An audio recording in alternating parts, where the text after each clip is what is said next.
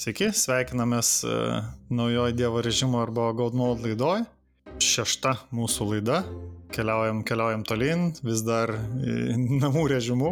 Tikėkime, kad jau kažkada greitų metų galėsim grįžti į studiją. Tai pradedam laidą vėl tradiciškai kartu su Simonu Vitkūnu. Labas. Labas. Turim šį kartą naujienų nemažai, ypač užsienio, šiek tiek lietuviško apie paskutinius praėjusio savaitgalio įvykius. Tada turėsim interviu su viena lietuvių studija, o pagrindinė tema e, skirsim Microsoft'o dalykam, tai Xbox, Game Pass, e, keliam žaidimam. Tai pradėkim nuo naujienų. Simai, daug tu turi šį kartą jų. Kas, kas įdomaus vyksta?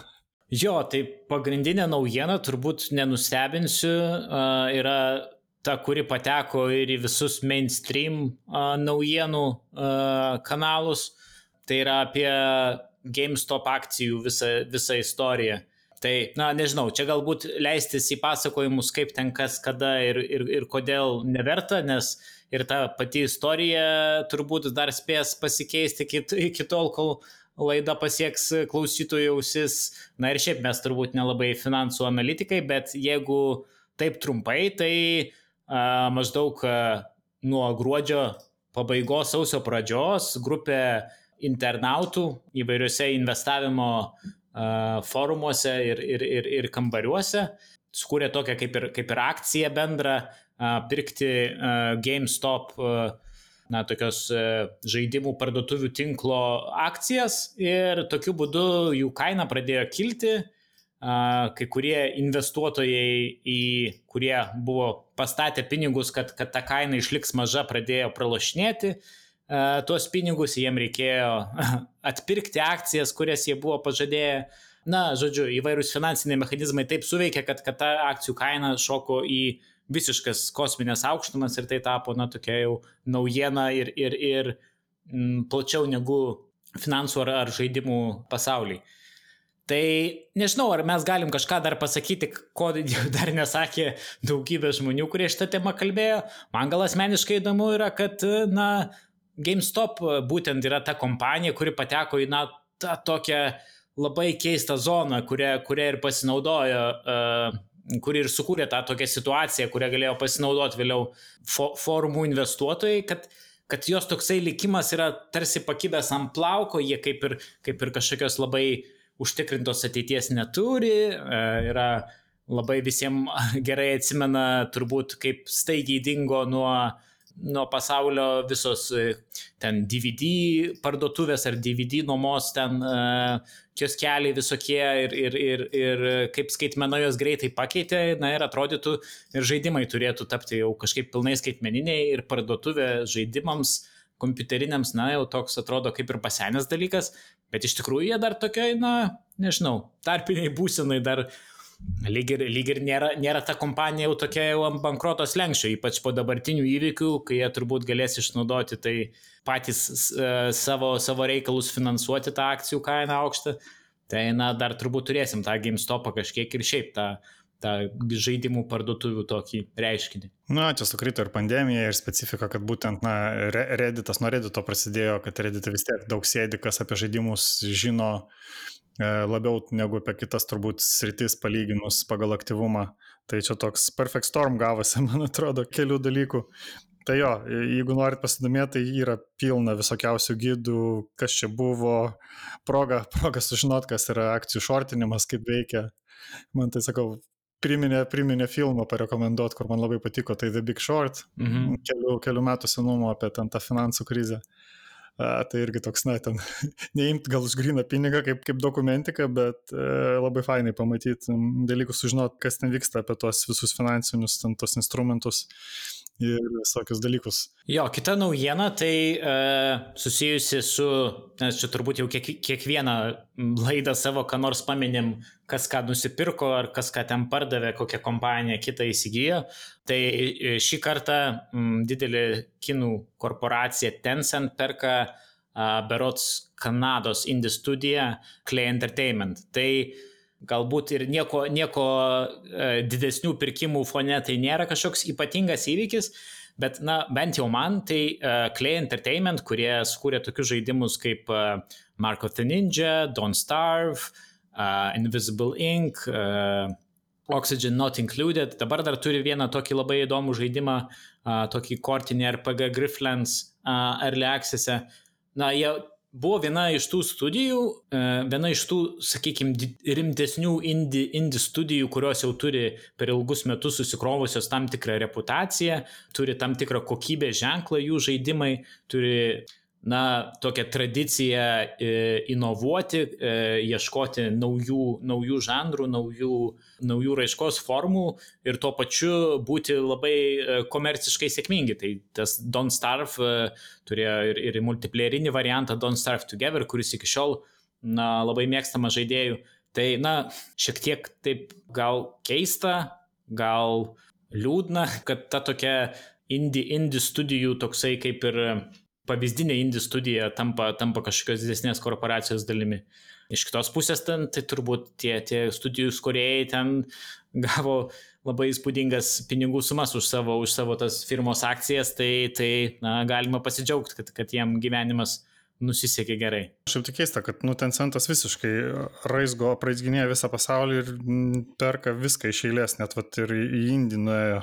Jo, iš tikrųjų yra galbūt įdomu, koks jų yra, na, kažkoks tolimesnis planas, nes šiuo metu jie veikia, na, kaip tokie investuotojai, ar ne, jie, nusiperka, nusiperka įvairias studijas, įvairius leidėjus, bet, na, turbūt gauna kažkokią gražą, ar ne, kai kitos kompanijos auga ir panašiai, arba mm, turi kažkokias geresnės sąlygas, tos žaidimus platinti po to, po to Kinijos rinkai bet, na, išnaudoti to, kad, kad po to vienu skėčiu yra tiek daug įvairių kompanijų, įvairių franšizių ir taip toliau, tai jie net, net, net nėra pradėję, tai koks ten jų ilgalaikis planas, tai dar viskas kaip ir, kaip ir nėra aišku ir dėl to galbūt ir šiek tiek neramu. Mhm. Kita naujiena irgi susijusi su, su pirkimais, pirkimais, pardavimais, tik šį kartą kalbam apie žaidimų variklį. Tai a, savų laikų a, toks populiarus buvęs variklis Game Maker Studio, o neskau, kad dabar jisai visai jau uh, užmarštin nuėjęs, bet,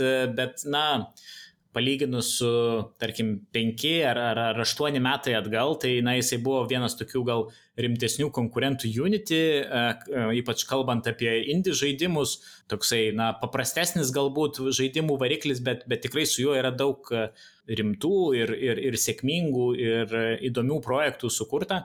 Konkrečiai 2D žaidimams jis e, yra skirtas šį variklį, perperka iš, iš kitos kompanijos Opera, dar geriau žinomi kaip na, interneto naršyklių e, kuriejai. E, ir jie turi tokį posūkį savo verslo į į žaidimus, ar ne, kažkokį interneto naršyklę, bet skirtą žaidimams. Jie neseniai ir, ir, ir produktą tokį vieną yra išleidę, tai, na, įdomu, kaip, kaip jie m, tą žaidimų variklį integruos į savo visą, visą interneto naršyklės patirtį. Bet e, nežinau, man tai, man tai visą laiką yra įdomu naršykliniai žaidimai.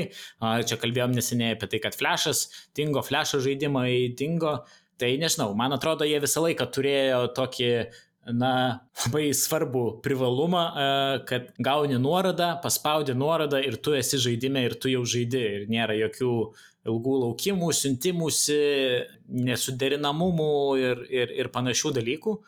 Tai, na, galbūt tai jau yra per vėlų tą, tą skylę bandyti užkišti kažkuo nauju, bet, na, nežinau, niekad negali žinoti turbūt. Pras visą laiką tokia įdomi pozicija buvo, jie vis ieško kažko, su kuo galėtų pakonkuruoti ir kažką ką pasiūlyti kitaip negu, negu pagrindinės naršyklės, ką daro. Tai čia gal ir įdomus e, dalykas, gal, gal atras kažkokią, tai gal padarys kažkokį kartu šopą kartu su browseriu, kad, e, žodžiu, kad būtų dar viena kažkokia tai niša, gal iš vis mažesniem kuriejam. Mhm. Įdomu čia, įdomu, pasižiūrėsim.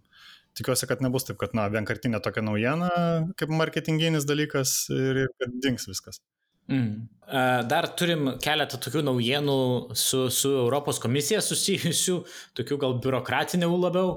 Tai gal apie jas taip greitai ir trumpai. Tai pirma yra, kad e, Europos komisija pasakė, E, tirsinti Nintendo Switch tokią garsią problemą, kuri vadinasi Joy-Con Drift, kai, kai viena iš e, na, iš kontrolerio tų analoginių svirtelių pradeda neliečiama dreifuoti kažkuria, iš kažkuria pusės žaidimo metu ir, na, ir akivaizdu, kad tai tikrai trukdo ir, ir, ir, ir ne, ne, žaidėjus erzina. Man nežinau, nežinau, kas iš to gali išsiristi, kaip ten tie visi procesai vyksta, bet nežinau, man tai keista, kaip Nintendo pats šitiek metų jau, jau leidžia e, tas, tą Switch konsolę, vis dar ta problema neištaisyta, vis dar ta problema yra oficialiai netgi nepripažįstama Nintendo, na jie lyg ir pataiso tas, tos e, problemas nemokamai, jeigu, jeigu žaidėjai pasiskunčia, kartais ir nepataiso, yra įvairių atsiliepimų internete, bet tai, kad kad vis dar tempėsi po šitiek metų tas, tas šleifas jiem iš paskos, tai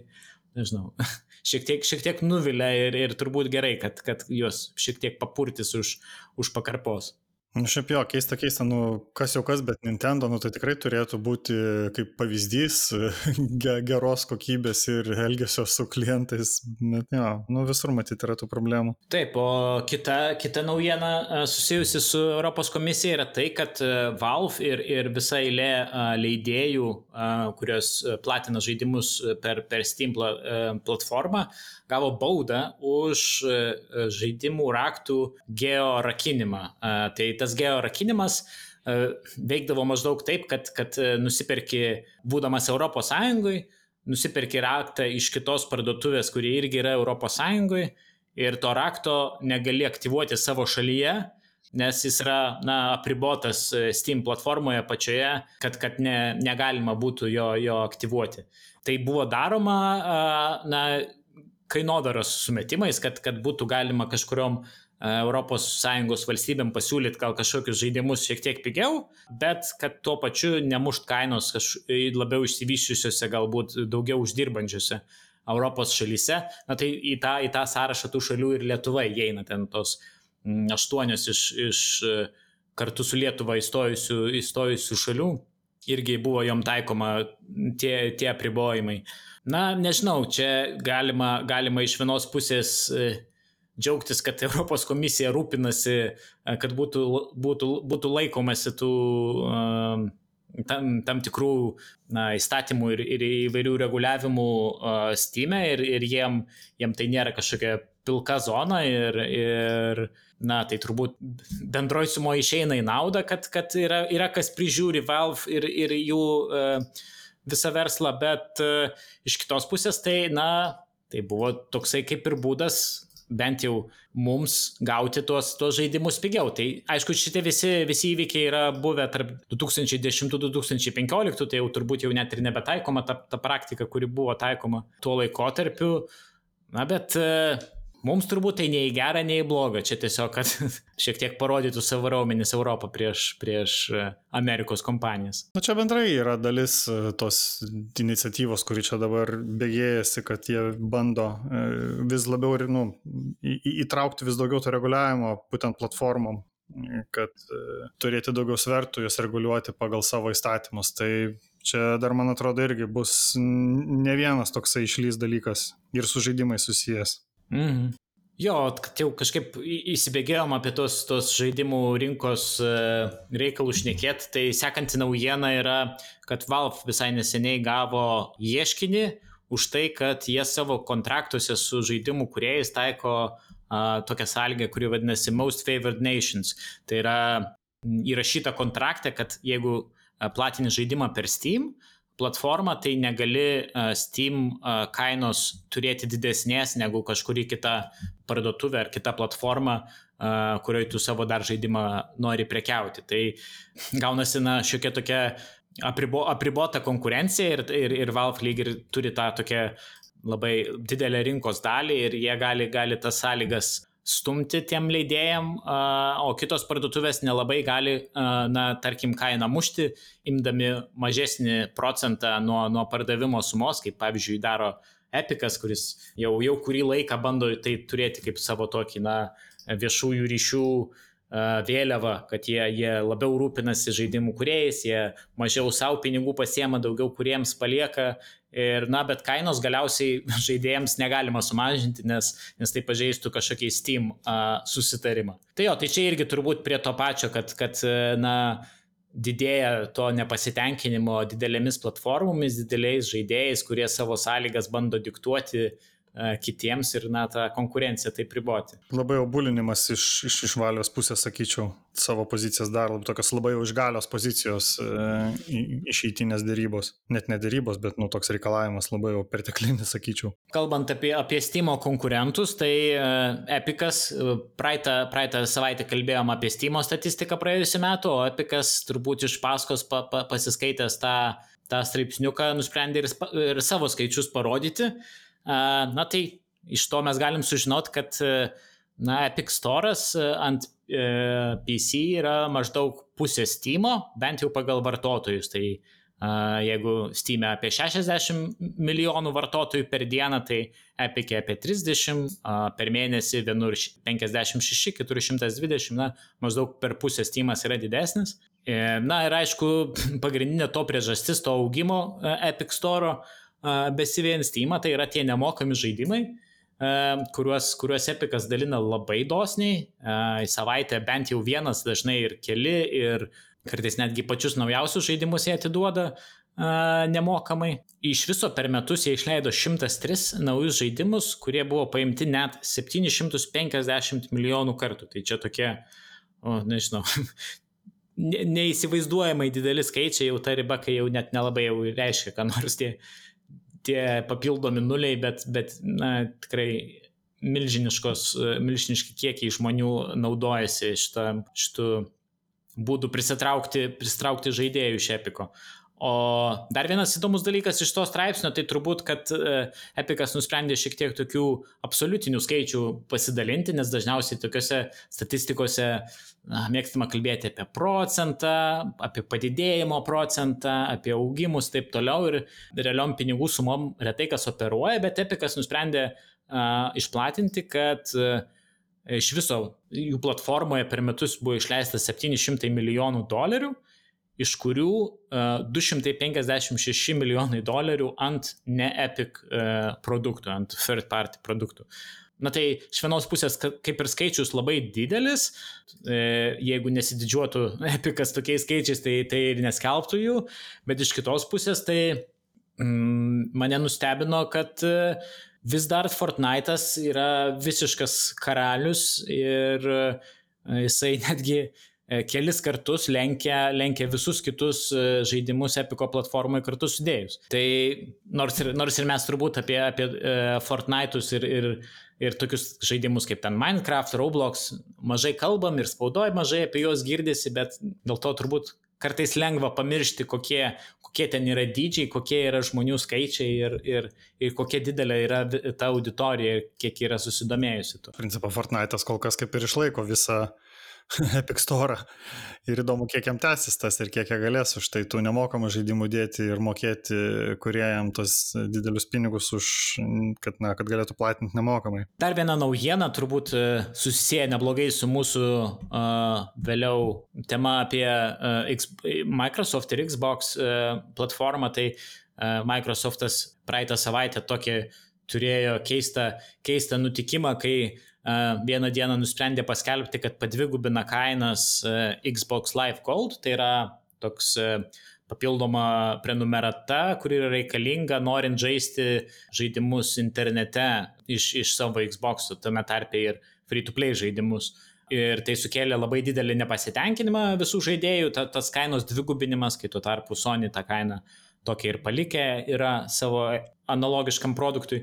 E, ir Microsoftas net parai nepraėjus, berots 16-17 valandų praėjo, padarė 180 laipsnių apsisukimą, nuėmė visą kainos padidinimą ir dar pasakė, kad visi free-to-play žaidimai net nebereikalaus to uh, Xbox Live Gold prenumeratos, uh, bus, galima, bus galima žaisti juos tiesiog, tiesiog turint Xbox. Tai nežinau, man kaip neturinčiam Xbox arba PlayStation, tai buvo priminimas, kad egzistuoja dar toks dalykas kaip prenumerata skirta žaisti žaidimus internete. Atrodo toks, nežinau, na, reliktas jau kažkokių praėjusių laikų ir praeitos eros. Aš tai irgi niekada nesupratau Xbox Live e, poreikių ir visos jos e, veikimo mechanikos ir idėjas. Bet, ne, čia tos reakcijos labai tokios greitos buvo ir audringos.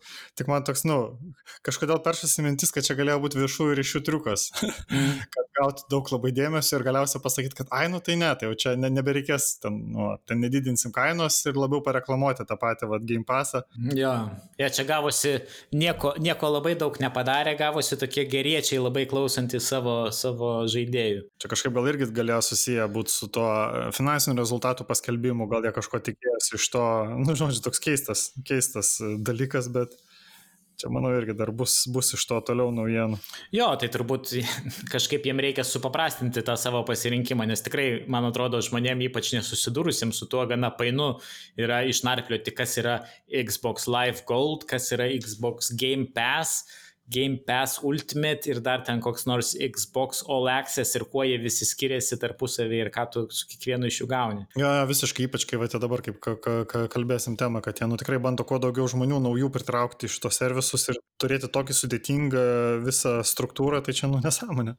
Mm. Bet manau, kad jie jo, link to eina, kad supaprastins viską ir padarys vieną tiesiog.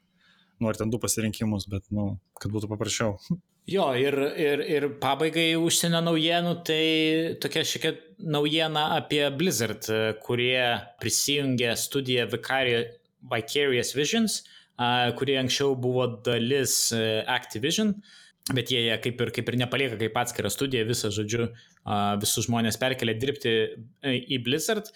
Dėl ko tai įdomu, tai dėl to, kad Vicarious Visions dirbo beveik išimtinai prie senų žaidimų atnaujintų versijų, remake'ų tam tikrų ar, ar, ar, ar, ar remaster, kaip čia tiksliau jas vadinti, tai jie turbūt naujausias jų tas buvo uh, Tony Hawk's Pro Skaterio, pirmos dvi dalys atnaujintos, uh, berots Crash Bandicoot, jie, jie irgi, irgi darbavosi, tai na, ką, ką, ką galima paspekuliuoti iš tokių naujienų, kad uh, ir kas buvo net ir uh, jau praėję keli gandai, kad uh, Blizzardas tą savo norą kurti senų žaidimų naujas versijas žiūri labai rimtai ir nepaisant tos, to fiasko su uh, nauja Warcraft uh, 3 versija, kuri susilaukė labai neigiamos reakcijos iš visų, jie, jie toliau dirba tą linkme ir, na, ir yra toks gandas apie Diablo 2 remake'ą, prie kurio, prie kurio turbūt ir dirbs, va šitie visi žmonės tą uh, remake'ų amatą jau įvaldė. Na tai nežinau, čia, čia gal net ir ne naujiena, tiesiog kuo toliau, tuo sodriau tarp žaidimų yra uh, seni pavadinimai su naujais įpakavimais. Uh, tas, tas didelis portfelis Blizzardo, jisai, na, turbūt turi uždirbti irgi savo pinigus anksčiau ar vėliau ir spaudžiami jaučiasi jie išleisti kažką, kas išnaudotų tą, tą praeities šlovę, kurią turėjo tie, tie Diablo senieji, pavyzdžiui. Ir, ir panašiai. Kadangi daugėja tų servisų, kur žaidimus galima pažaisti ir ten ir cloudai, ruošiantis cloudų populiarėjimui ir tiem patiem game passam visokiam, kad, na, kad žmonės galėtų tiesiog visą seriją paimti ir, ir sužaisti mm. nuo mhm. pradžių, kad nereikėtų pradėti nuo, nuo, nuo trečio, nuo ketvirto, nuo penkto žaidimo. Tai, aš nežinau, mane tai labai pradžiugintų Diablo 2 pa, pažaisti atnaujintą. Mm.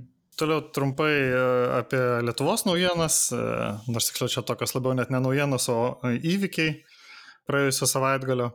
Tai įvyko du, du renginiai vienu metu.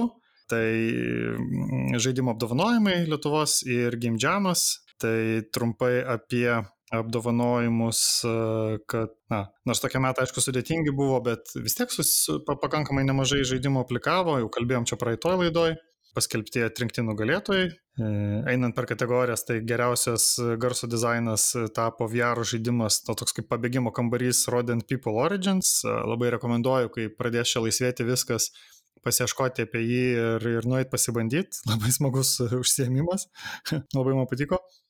Tada geriausias Game Jam žaidimas, e, čia toks vat išskirtinis neįprastas galbūt apdovanojimas iš praėjusių metų, tai FitKit.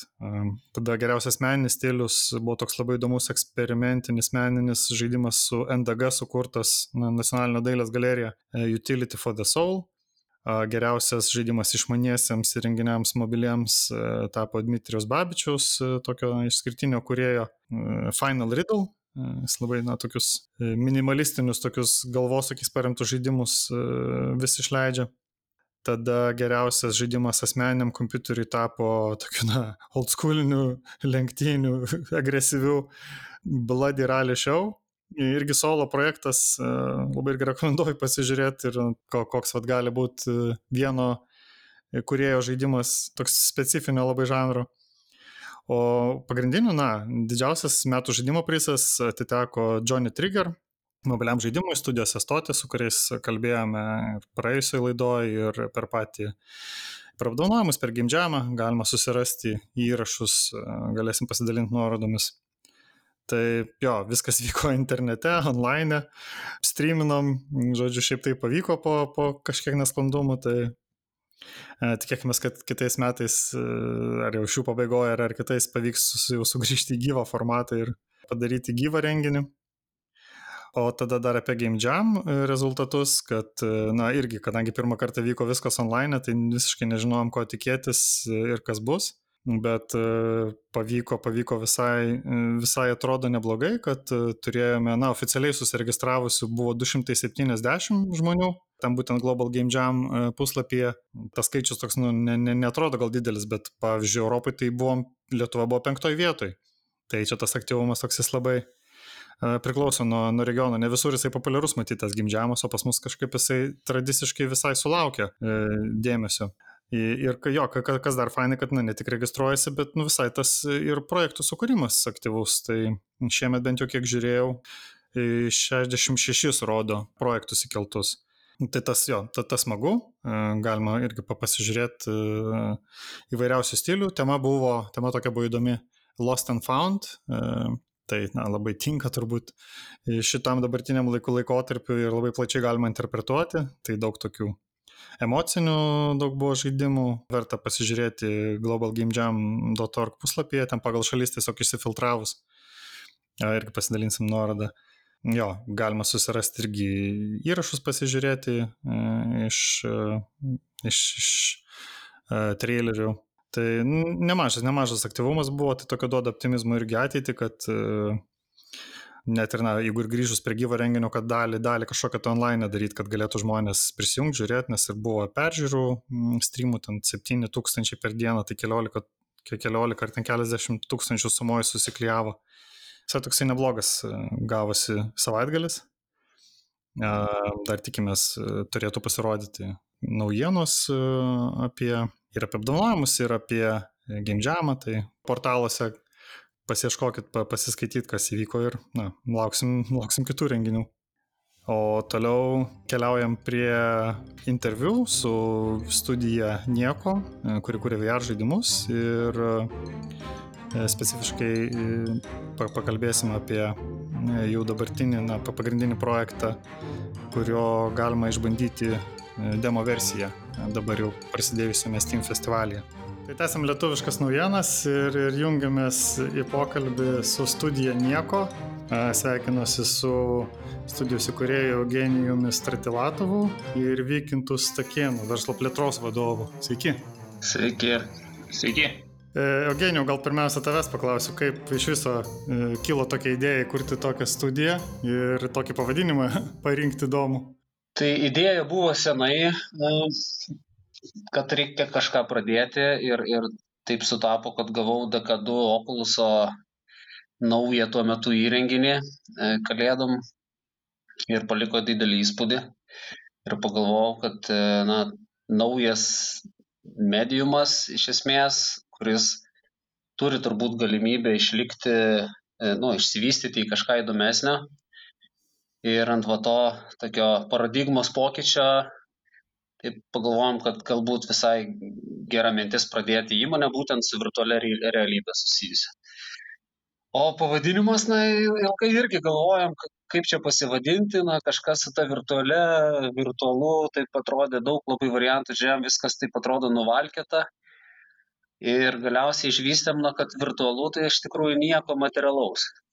Tai tas nieko materialaus e, liko nieko, nes e, pavadinimas toks norėjom, kad būtų trumpas ir užsieniečiam įsimintinas ir tinkamas, tai tiesiog va, taip ir paskambinom į e, e, lietuvių šitą mūsų priežiūros komisiją kalbos, paklausėm, ar gali būti pavadinimas nieko, sakė, jeigu kabutėse ir iš didžiosios, tai gali. Ir užregistravom. Na, smagiai skamba tikrai. O vykintai, gal tu papasakok apie na, pačius pirmus projektus, su kuo dirbu. Aš kaip suprantu, ne iškart su žaidimais pradėjo dirbti. Ne, mes pradėjom dirbti su skirtingais e, virtualios ir papildytos realybės projektais, bet aišku, visą laiką norėjom kurti tą virtualios realybės žaidimą. Ir realiai pirmi trys metai tai buvo tokie kaip ir paieška savęs, žiūrėjimas, ką galima nuveikti toje rinkoje, e, patirties susirinkti. Edukacija ir vaidybinimas. Jo, tai buvo daugiausiai edukacija, žaidybinimas e, ir viskas virtualiai realybei. Nu, realiai turėjom dar ir papildytos realybės tam tikrų projektų. Bet galų gale prieš porą metų kažkaip susikoncentravom ir sakom, nu ne, laikas jau tikriausiai paimti ir e, pradėti kurti tai, ką norėjom kurt nuo pat pradžių ir prasidėjo tas etapas, kai pradėjom kurt Crystal Raiders, savo naują žaidimą. Gali kilti klausimas, kas finansuoja mūsų žaidimų gamybą. Tai atsakymas yra mes outsourcinami ir esam įmonių didelių žaidimų, kuriem darom 3D ir 2D artą. Mhm. O trumpai tada papasakot, apie ką yra žaidimas. Na, žaidimas iš esmės toks koop, e, multiplayeris iki keturių žaidėjų kartu gali žaisti, e, kas galvojam gan unikalu yra e, virtualiai realybė. Ir tikslas yra iš esmės, kaip ir visų raiderių, tai yra ieškoti lobių pilyje, įveikti ten įvairius mm, spastus, nugalėti ten tos kristalus stebuklingus, kurie na, saugo tą pilį ir iš esmės, na, pralopti pralopus galima ten pirkti gražesnius ginklus, gražesnius drabužius ir panašiai. Tai toks ir žaidimas, toks iš esmės orientuotas į galbūt ne tik jaunesnį, bet iš esmės į šeimą. Mes galvojam, kad na, visi orientuojasi į zombus, tai mes norim kažką tokio be žiaurumo, be žudimo. Tai va tokio, toks jis ir yra. Toks tiesiog labiau į tai, ką Nintendo kūrė, mes žiūrėjom darydami jį. Ir pagrindinė mintis, kad iš tikrųjų, kiek vat bandėm, žiūrėjom, testavom, tai smagiausiai žaidimas žaidžiasi dviese, trysia, keturiese, tokia grupelė, kad e, linksma, faina, bet aišku, turim tą versiją, nu, kad galima žaisti ir, ir vienam, jeigu nori. Dar įdomu, kad e, leisite kartu su leidėjais, ne patys. Ar buvo sunku rasti leidėjus vat, specifiškai VR žaidimui? Tai iš tikrųjų nebuvo lengva. Pradėjome tų leidėjų ieškoti prieš gerus metus. Tai pirmas toks apsišaudimas buvo tada Games, Gamescomo parodoj, 2019 metais buvo. Ir susidūrėm su leidėjų tokia pozicija, kad vis dėlto VR jiem dar yra per anksti. Sako, kad VR tai viskas gerai, fainas žaidimas, bet eikit pas e, rizikos investuotojus, kad mes į tai dar nesiorientuojam. Čia kalba apie didžiuosius tos leidėjus. Jo, apie didžiuosius leidėjus. Ir tada jau taip rimčiau, ta prasme, pradėjom ieškoti to leidėjo 20 metų pavasarį tikriausiai ir tada užtrukom kokius, nu nežinau, 3 mėnesius. Turėjom porą variantų ir pasirašėm sutartį su Suomiu, tokia nedidelė leidybos kompanija, VR Kivi. Ir vienas iš pagrindinių privalumų buvo tas, kad e, jie pasiryžo investuoti ir padaryti adaptaciją e, PlayStationui. Tai toks mūsų buvo labai didelis noras turėti ne tik tai PC VR platformą Steam, bet ir, ir PlayStation ir tikimės, kad iki metų pabaigos tas adaptacija įvyks ir išleisim ir PlayStationui. Ne, PSVR vis tiek turbūt yra didžiausia install bazė palyginus e, ir tas nu, lengvai, lengvai prieinamas. Taip. Lengviausiai prieinamas, turbūt plačiausiai prieinamas, gal taip reikėtų sakyti, VR devices, ne? Taip, taip. Ir, ir ypač, aišku, dar vis laukiam su naujajam antros versijos PlayStation VR, tai tada žiūrėsim irgi, gal jeigu pasiseks su ta banga išeiti, tai būtų visai smagu. Bet e, manau, kad ir, ir senoji platforma yra dar pakankamai gera. Realiai tenai panašaus apimtis dydžio kaip, kaip Steam tikriausiai VR. -as. Aišku, dar turim trečią idėją, kad vis dėlto, jeigu pavyks, tai e, bandysim išleisti ir Oculus Questui. Mhm. Ne, ja, Questas antras tai ypatingai e, kokybė ten labai įspūdinga, kiek teko bandyti ir Nu, tas niuansų laisvas. gamybinių yra. Tai Dar sprendimo Jo. neturim tokio garantuoto, bet jau pasvarstymus ir diskusijas vystom. Esam iš tikrųjų susidėję tam tikras sąlygas, prie kurių sakysim, kad jo važiuojam. Jeigu pirks šitą PC platformoje, tai tada leisim. Jeigu nebus toks labai sėkmingas, tai tada ir neleisim. Nu, ja, teisingai. Uh, tai dabar mes dar kalbam dėl to, kad uh, žaidimo demo versija, kaip suprantu, pasirodo Steam'e e, šiomis dienomis vasario pradžioje. Taip, vasario 3 mes dalyvaujam e, Steam žaidimų festivalyje, tai bus nuo vasario 3 iki vasario 9 ir visus kviesim pažaisti, išbandyti, tikrai bus smagu, tai kviečiam ir visus, kas girdi, kad visą savaitę realiai bus prieinama demo versija, galima bus atsisiųsti ir kartu sužaisti. E, Aišku, kviečiam tos, kas turi VR akinius, nes nu, reikia, žaidimas mūsų yra VR. O ant kokių jis dabar renginių veikia? A, tai ant visų, kas palaiko Steam platformą, tai iš esmės visi PC VR akiniai. Ir kviečiam visus į Steamą pavišlistinti mūsų žaidimą. Taip, taip, čia aš jau- palaikymo lietuvių. Jo, čia mūsų viena iš misijų didžiųjų laidos, mes jau čia seniau kalbėjom, kad mm, kiek, kiek kiekvieną žaidimą stengiamės pa, paminėti ir pakviesti, pavišvilstinti, nes tas na, labai svarbu kuriejam. Taip. O ko, apie ką bus pati demo, kokios maždaug trukmės, kaip jūs ją paruošėt? Tai demo bus du kambariai, diena naktis. E, ir šiaip e, visa, visas funkcionalumas, kuris yra žaidime, ten tam demo ir yra. Tik tai tiek, kad du kambariai. Mhm. O ją irgi galima ir vienam žaisti, ir keliese? Taip, galima žaisti vienam, galima daryti automatinį matchmakingą arba galima žaisti su savo Steam draugais. Tai tada jau ten susijungti į tą vieną grupę ir žaisti kartu. Nu, super, reikės išbandyti, aš turiu galimybę prie vieno VR prieiti, tai pa, pasibandyti reikės. O ar turit jau nusimatę pačią žaidimo išleidimo datą, ar dar nėra tiksliai aišku? Nėra tiksliai aišku, tai čia toks mūsų, kaip čia, su leidėjų dar vyksta diskusija, kada, e, nes dabar e, yra tas etapas, kai darom daug e, playtestų iš esmės ir, ir gaudom tuos žaidybinius bagus vadinamus, kad jų nebūtų išleidus. Tai, tai va, tai, tai tas toksai po truputį stumėsi, įsivaizduot, galvojam, kad va, jau šitam metui, kaip čia pernai pavasarį galvojam, kad šitą metą jau tikrai busim išleidę, bet dabar matom, kad turbūt šių metų pavasarį išleisim, tikimės.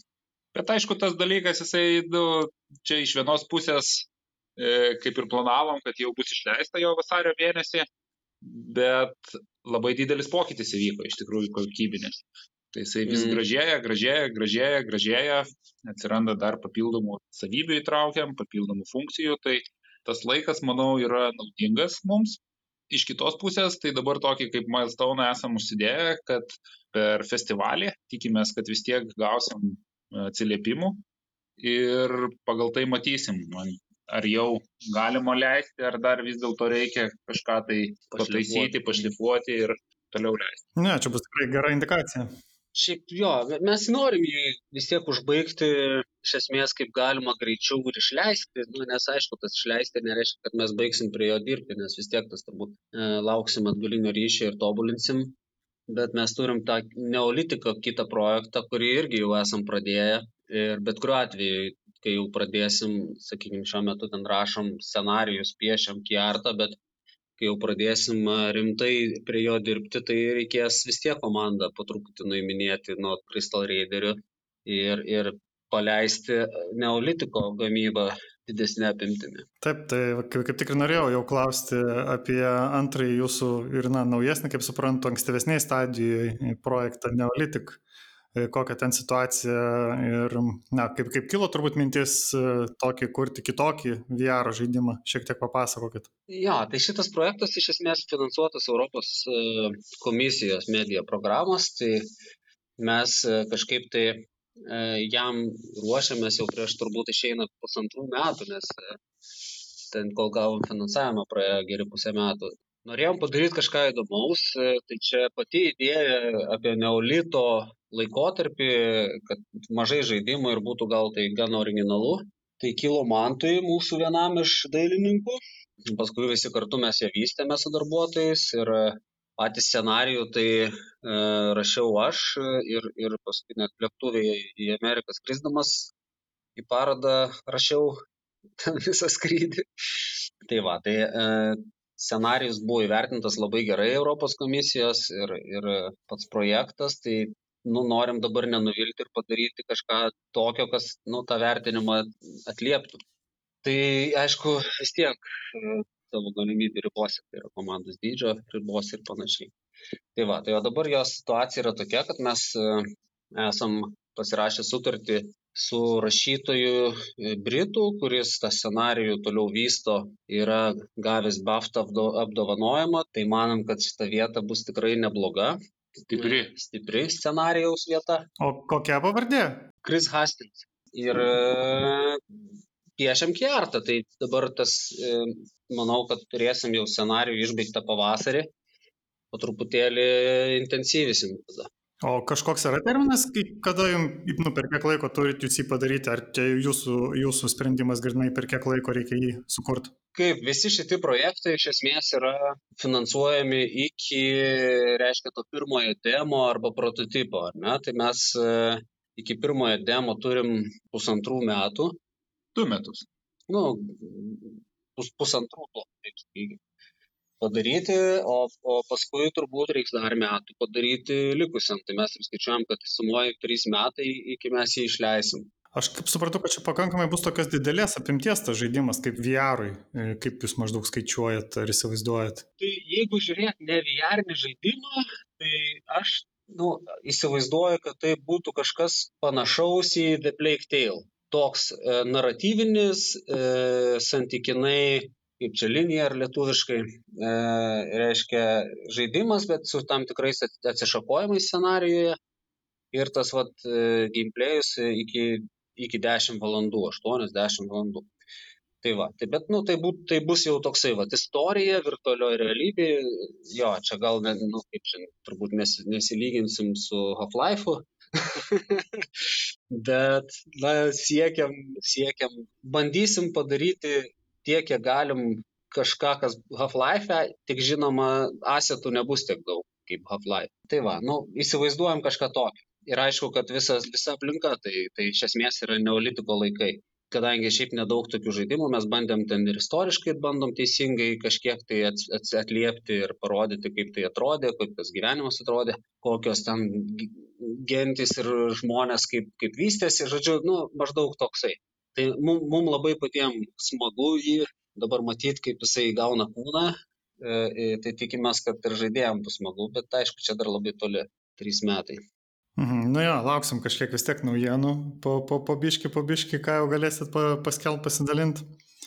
E, gal jau e, einant į pabaigą, šiek tiek apie jūsų idėją fix e, pakeisti aplinką dabartinę, nes mes jungiamės su jumis, už tai gal ir šiek tiek to ryšio trūkumas, nes kalbam ne Lietuvoje, papasakokit, kur jūs dabar esate ir ką veikiat. Tai esame mes dabar Tenerife. Tai čia toks susiję, turbūt ta idėja atsirado iš, iš įvairių aplinkybių.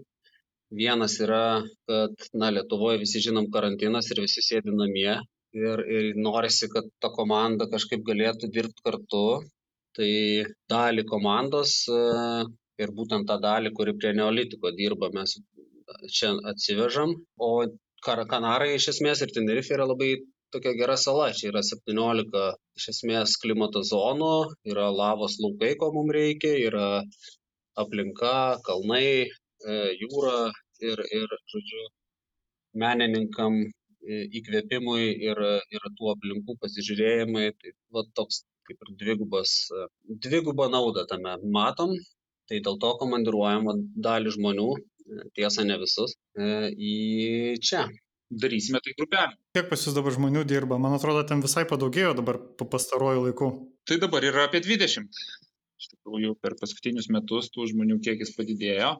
Bet į Tenerifę mes nusprendėm e, komandiruoti komandomis. Tai komandomis po 4-5 žmonės, kad galėtų kartu e, dirbti ir iš tikrųjų gyventi. tai kaip ir minėjau, Eugenijos, labai svarbi dalis buvo, kad pabandyti atkurti vis dėlto ryšį tarp žmonių, nes buvo pirmas karantinas, paskui antras karantinas, žmonės vieni kitų nemato, dirba atskirai, o mes vis tiek norim turėti tą bendrovę tokią kultūrą artimą, kad žmonės kartu dirbtų, draugautų, bendrautų, žaistų. Tam reikia to bendravimo ir nusprendėm, kad vienas iš sprendimų, kuriuos galim šiai dienai padaryti, tai yra šis. Ne, skamba labai gerai. E, tai jūs planuojat e, tas komandas keisti vieną su kita ir kad, na, dalis bus e, pas jūs Lietuvoje liks, o dalis bus Tenerife ir jos kažkaip keisis? Taip, tai čia, nu, tas išvažiavimas tai yra dviem, trim savaitėm komandos, tai jos keičiasi, taip. Yra žmonės, nu vis tiek dauguma dabar dirba iš namų, tai va jau pirma komanda ten susiformuavus ir atvažiuoja, tada jie išvažiuos, atvažiuos kita komanda. Nėra taip, kad mes visą verslą perkeliam. Mhm. Ai, nu tai gerai, tai dar galėsim pamatyti čia jūs sugrįžus, kai kažkada viskas grįš į kažkokias tai apčiopiamas vėžes ir pasidalinti įspūdžiais. Tikrai, tikrai taip, tikrai taip. Čia šitas, šitas projektas realiai numatytas iki e, kovo pabaigos. Aišku, pakeliui gali visko nutikti, galim nuspręsti, kad e, labai gerai ir liekam, galim galbūt grįžti šiek tiek anksčiau, bet e, iš principo šiai dienai matymą tokį turim, kad iki kovo pabaigos turim projektą, per tą laiką galėsim atvežti e, tris komandas. Tai išeina beveik visi. Jo, ir jeigu tai po to bus sėkmingas, nu, matysim, kad pateisino ir lūkesčius ir iš tikrųjų e, ir žmonėm patiko. Ir žmonėm patiko, tai manau, kad bandysim kartoti toliau. O šiaip tai ta dalis, nu, jinai vis tiek yra įdomi, gal, kad pabandysim vis tiek tos aplinkos į žaidimą įkelti. Tai ne tik tai, kad pasisemtų idėją, bet vis tiek, kad kažką tai padarytų tokio, kas liktų ir kas liktų gyva. Tai čia Tenerife tam, kaip Augis ir minėjo, ideali, ideali vieta, nes turi daug tų, nežinau, aplinkų. Ne, ja, aš ten girdėjęs, kad ten ir seniausi visokie yra miškai ir ten vos ne dinozaurų laikų e, visokių yra e, išlikusių dalykų. Ir ugnikalniai, ir smėliai, ir juodas smėliai, ir baltas smėliai, ir kalnus, ir mišką. Prasme, kad viską, ko mums reikia. Nuo palmių iki pušyno. Jo, nuo palmių iki pušyno, viską, ko reikia senovės medžiotojams. Nu, super. Tai ką, gerai, tada lauksim kažkada gyvų įspūdžių, reikia tikėtis. O kol kas, tai taip, dar kartą kviečiam į Steam pasibandyti Crystal Raiders VR demo. Kalbėjome su Nieko studijos uh, įkūrėjų Eugenijum Stratilatovų ir Vykintų Stakėnu, verslo plėtros vadovu. Tai manau, kad dar E, susitiksim e, ir laidoje ateityje. Gerų toliau darbų, e, iš, išnaudokit, išnaudokit galimybės ir iki. Iki. Ačiū. Iki. Tęsiam laidą ir keliaujam prie pagrindinės mūsų šios dienos temos. Tai kalbėsim apie Xbox'us, daugiskaitą, apie Game Passą, kažkiek gal apie Xcloudą ir apie kelis Game Pass'o žaidimus, tokius, na, labiau indie gal, kurie pastaruoju metu išėjo Tipo, uh, kitaip tariant, All Things Microsoft. All Things Microsoft, jo, jo, geras. Prie mūsų susimų jungiasi Andris Jovaša. Labas vakaras. Labas ir Vytautas Lukaševičius. Sveiki. Smagi naujiena, kad pagaliau pavyko mums gauti Xbox'us, pavėlavus nežinau kiek čia laiko. Panašu, kad atsikimšo bent jau Xbox'ų tiekimas ir Lietuvoje jau galima laukti. Nežinau, Vytautai kaip tau, bet man tai labai greitai per kelias dienas pristatė. Tai matai, su S gal ir nebuvo tokios didelės problemos, čia didesnė problema buvo su X, Series, Series X ir su Series X net dabar yra vis dar problemų, tai maniškis vis tiek iš Lenkijos keliavo. Tai... Iš pilkojo sektoriaus. o per, per kiek to laiko atėjo, kada tu užsisakėjai? Tai aš ten per vieną pažįstamą per draugelį, tai tenais jau porą savaičių tam, kol jis ten nuvažiavo, kol grįžo, tai, tai maždaug taip jau teko prisitaikyti prie jo tempų. A, tai tu net netiesiogiai Lietuvoje pirkai? Ne, aš, ne, aš tiesiogiai Lietuvoje, bet e, ten draugelis jisai kaip, nu, gaudė Lenkijos, Lenkijos elektromarktų ar media shopų, tiksliau, e, stokus, nors tai irgi sakė, kad tenais labai, nu, kaip pasakyti, e, šokinėja, reikia labai gaudyti net Lenkijoje su, su visa Lenkijos rinka didelė, bet vis tiek. Tai jis ten sugaudė ir, ir, ir atvežė. Mhm. Nu, tai reiškia, tai reiškia, su esais yra paprasčiau, mažesnė matyt paklausa. Negu, negu X. Bet, bet X, kas, kas labai ieško, tai galiu pasakyti, kad skelbimuose šiaip buvau užmetęs ant įdomumo akį, tai e, vis pasitaiko, ten po 500 pamažiau parduoda, žmonės panaudoja, nepatinka ir parduoda. Tai su Xbox'ais žymiai dažnesnis atvejis, kad gali naudotą įsigyti jau dabar, negu su PlayStation. Nu, PlayStation, tai mačiau, kad net naudotą dabar parduoda už 850. O tu neplanuoji dabar? Nes nusipirkai, gal irgi nepatiko. ne, ne, man tai labai patinka. Tai dabar apie tai plačiau ir turbūt ir pakalbėsim.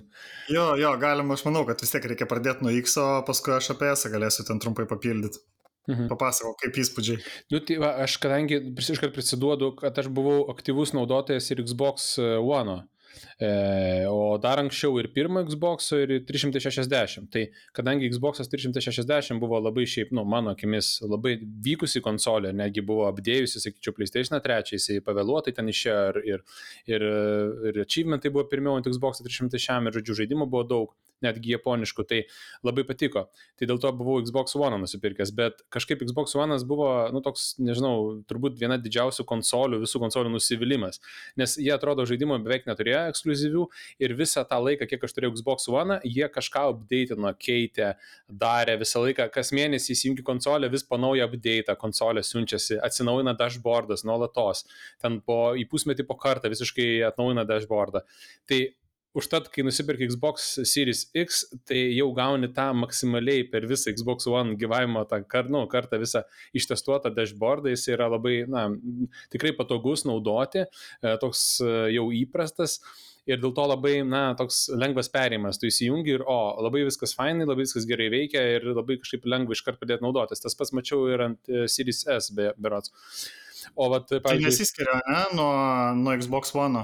Jo, aš manau, manau, kad tas pats, manau, kad tas pats. Nes, pavyzdžiui, PlayStation 5 įsijungi ir vis tiek pakeista viskas nuo ketvirto. Nu, ne viskas, bet, bet yra pakeitimų, maždaug 40 procentų kitaip. Ir vėl reikia pratintis, vėl reikia bandyti ten iš naujo priprasti, žodžiu. O, o Xbox'as, žodžiu, vat, visą tą Xbox One gyvavimą jie testavo, testavo ir paleido, žodžiu, dabar jau tokį jau, kaip pasakyti, 100 procentų išbandytą ir veikiantį daiktą čia kalbant apie interfejsą ir dashboardą, bet taip pat Xbox gyvavimo pabaigoje Xbox One paleido ir Game Passą.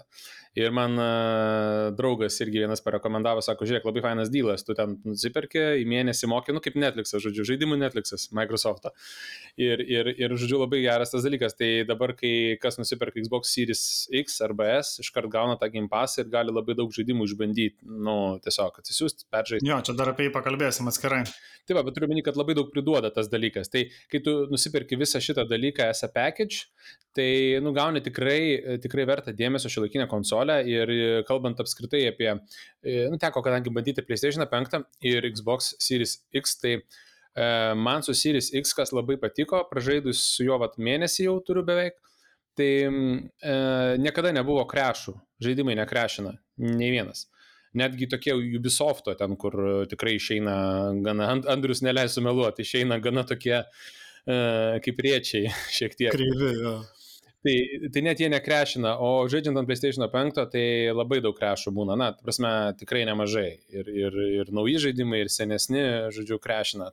Tai tas vat labai faina, kad Xbox'as veikia stabiliau ir kažkaip ne, nepasitaikė tokių vat išmetimų iš žaidimo, krešų, dar kažko panašaus.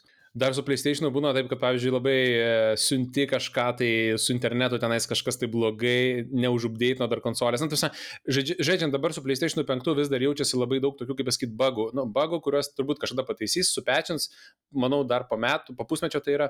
Bet, e, nu, ir tas labai, nu, kaip, truputėlį apkartina tą patirtį. Tu žaidži, bet tau, vat, nesiunčia žaidimai, užstringa, reikia būtinai perkraut. Man teko po penkis kartus perkraut, kol siunčia kažką konsolę, kad vėl atnaujintų internetą. Pas Xbox kažkaip atrodo, bent jau, nu, taip mano tokia patirtis, viskas tvarkoja, žaidimai visi siunčiasi patvarkingai, niekada jokių bagų nebuvo, man bent jau žaidimų neišmetė ir viskas taip veikia as crisp, bet uh, tą galiu nu pasakyti, žaidęs nemažai žaidimų jau išbandęs, tai va ta patirtis tokia jinai labiau smooth. Bet čia šitoje vietoje atrodytų, tai yra tai, ką ir turėtum gauti, tai yra tavo tas potyris, kuris tarsi ir turėtų būti toks, kaip sugalvota, nu, kad nebūtų bagų ir nebūtų visokių dalykų neigiamų, o ką vat teigiamo išskirtum, kas kuo išsiskiria tau, pavyzdžiui, nu, kas tau žiauriai patinka Xbox X. Nu, tai va čia ne, negalima dabar pradėti kalbėti apie tai, nepradėjus kalbėti apie Game Passą, nes, na, man atrodo, Game Passas yra pati ta stipriausia korta Microsoft'o, nes, na, jinai, jinai galina visas geriausias savybės dabar Xbox'o Series X, pavyzdžiui, atsiskleisti. Nes, tarkim, mhm. E, tu nueini, nu, pavyzdžiui, čia vėlgi, sorry, kad lyginu visą laiką konsolę 5 PS su Xbox'u, bet neišeina. Pavyzdžiui, tu nusipirki PlayStation 5, tu nueini į store ir tu nematai tenais jokių žaidimų, kurie, pavyzdžiui, būtų, nu, pritaikyti PlayStation 5 penktam. Ta prasme, matai bendrus žaidimus, bet tau nu, nepadeda, nepadeda leidėjas išsiaiškinti, o tai kuris čia dabar vat, man leis atskleisti galės tas PlayStation 5. Arba ten paskui randi, bet reikia knystis. Nuėjus į Xbox store e, arba Game Pass, tau iškart pasako, kad, ei, žiūrėk, va, šitie, va, šitie žaidimai yra optimized for Xbox Series X arba S, e, atsiskleidžia ten tokios tokios savybės, ten e, tokia kadrų sekos greičiai, taip toliau, taip toliau. Žodžiu, labai taip iš karto tau nurodo, kad tau nereiktų nieko lakstyti, ten ieškoti, iš karto ateini vat, ir gauni tos žaidimus iš karto paranka ir matai. Kitas dalykas, e, kai įsijungi Xbox Series X, jis iš karto pasižiūri, koks tavo telikas ir tau pasako, žiūrėk, e, pas tavai yra 4K telikas ir siūlom tau naudoti taip ir taip, tokiais tokiais nustatymais, kas yra labai faina, nes, na, ne visi žmonės yra ten, ta prasme, labai pasinešintų televizorių, nelabai ten žino, kuo jie skiriasi ir kaip patiems padaryti e, ten tos nustatymus geriausius, kad žaisti ant savo televizorių. Tai faina, kad pas Xbox yra tas kažkaip, na, optimizuotas optimizuota, jisai labai pats pagauna, pasako ir pasiūlo, nes su PlayStation viską pačiam reikia tenais knystis, ieškotis, žiūrėtis, kokie tau geriausi nustatymai ir panašiai. O ar tai tiesa, kad e, tu gali e, numinimizuoti kelis žaidimus, nu, tarp žaidi ir jos numeti, tarkim, nu, ta prasme, užmigdai, o PlayStation'e tu gali tik vieną tai padaryti. Aha, aš kaip tik norėjau šitą dalyką klausti, nes man kaip užkėtėjusiam PC žaidėjui, kuris konsolės biškišnairuoja, tai čia buvo tas sakykime, feature'as konsolės, kuris privertė mane pakelt antakį ir pagalvot, kad, na, galbūt yra ir kažkokių privalumų, nes, nes man bent jau dabar ypač sugrįžti žaidimus, na, taupant laiką, tai čia yra, na, be galo svarbus dalykas, kiek tas žaidimas laudinasi iš, iš tos mirties būsenos iki kol aš jau galiu kažką jame veikti. Dėl to, ar galima vienu metu ant Xbox'o pasileisti kelis, e, man atrodo, kad taip, ir aš esu turbūt tą padaręs, bet jie buvo mažesni e, indis žaidimai, ten Battletoads ir dar kažkoks kitas indis. Bet um, reiktų patestuoti, pasileidžiant tokius gana daugiau resursų ryjančius, pavyzdžiui, Vemedium ir kitą, ir pasižiūrėti, ar nestringa, ar vat neišsijungia, nelūšta ir panašiai. Kalbant apie paleidimą žaidimo nuo, nuo startinės būsenos, kai jis nemiega, tai na, labai greit užsilaudina, bet čia reikia pasakyti, užsilaudina ir PlayStation 5 greitai, ir Xbox užsilaudina greitai žaidimai.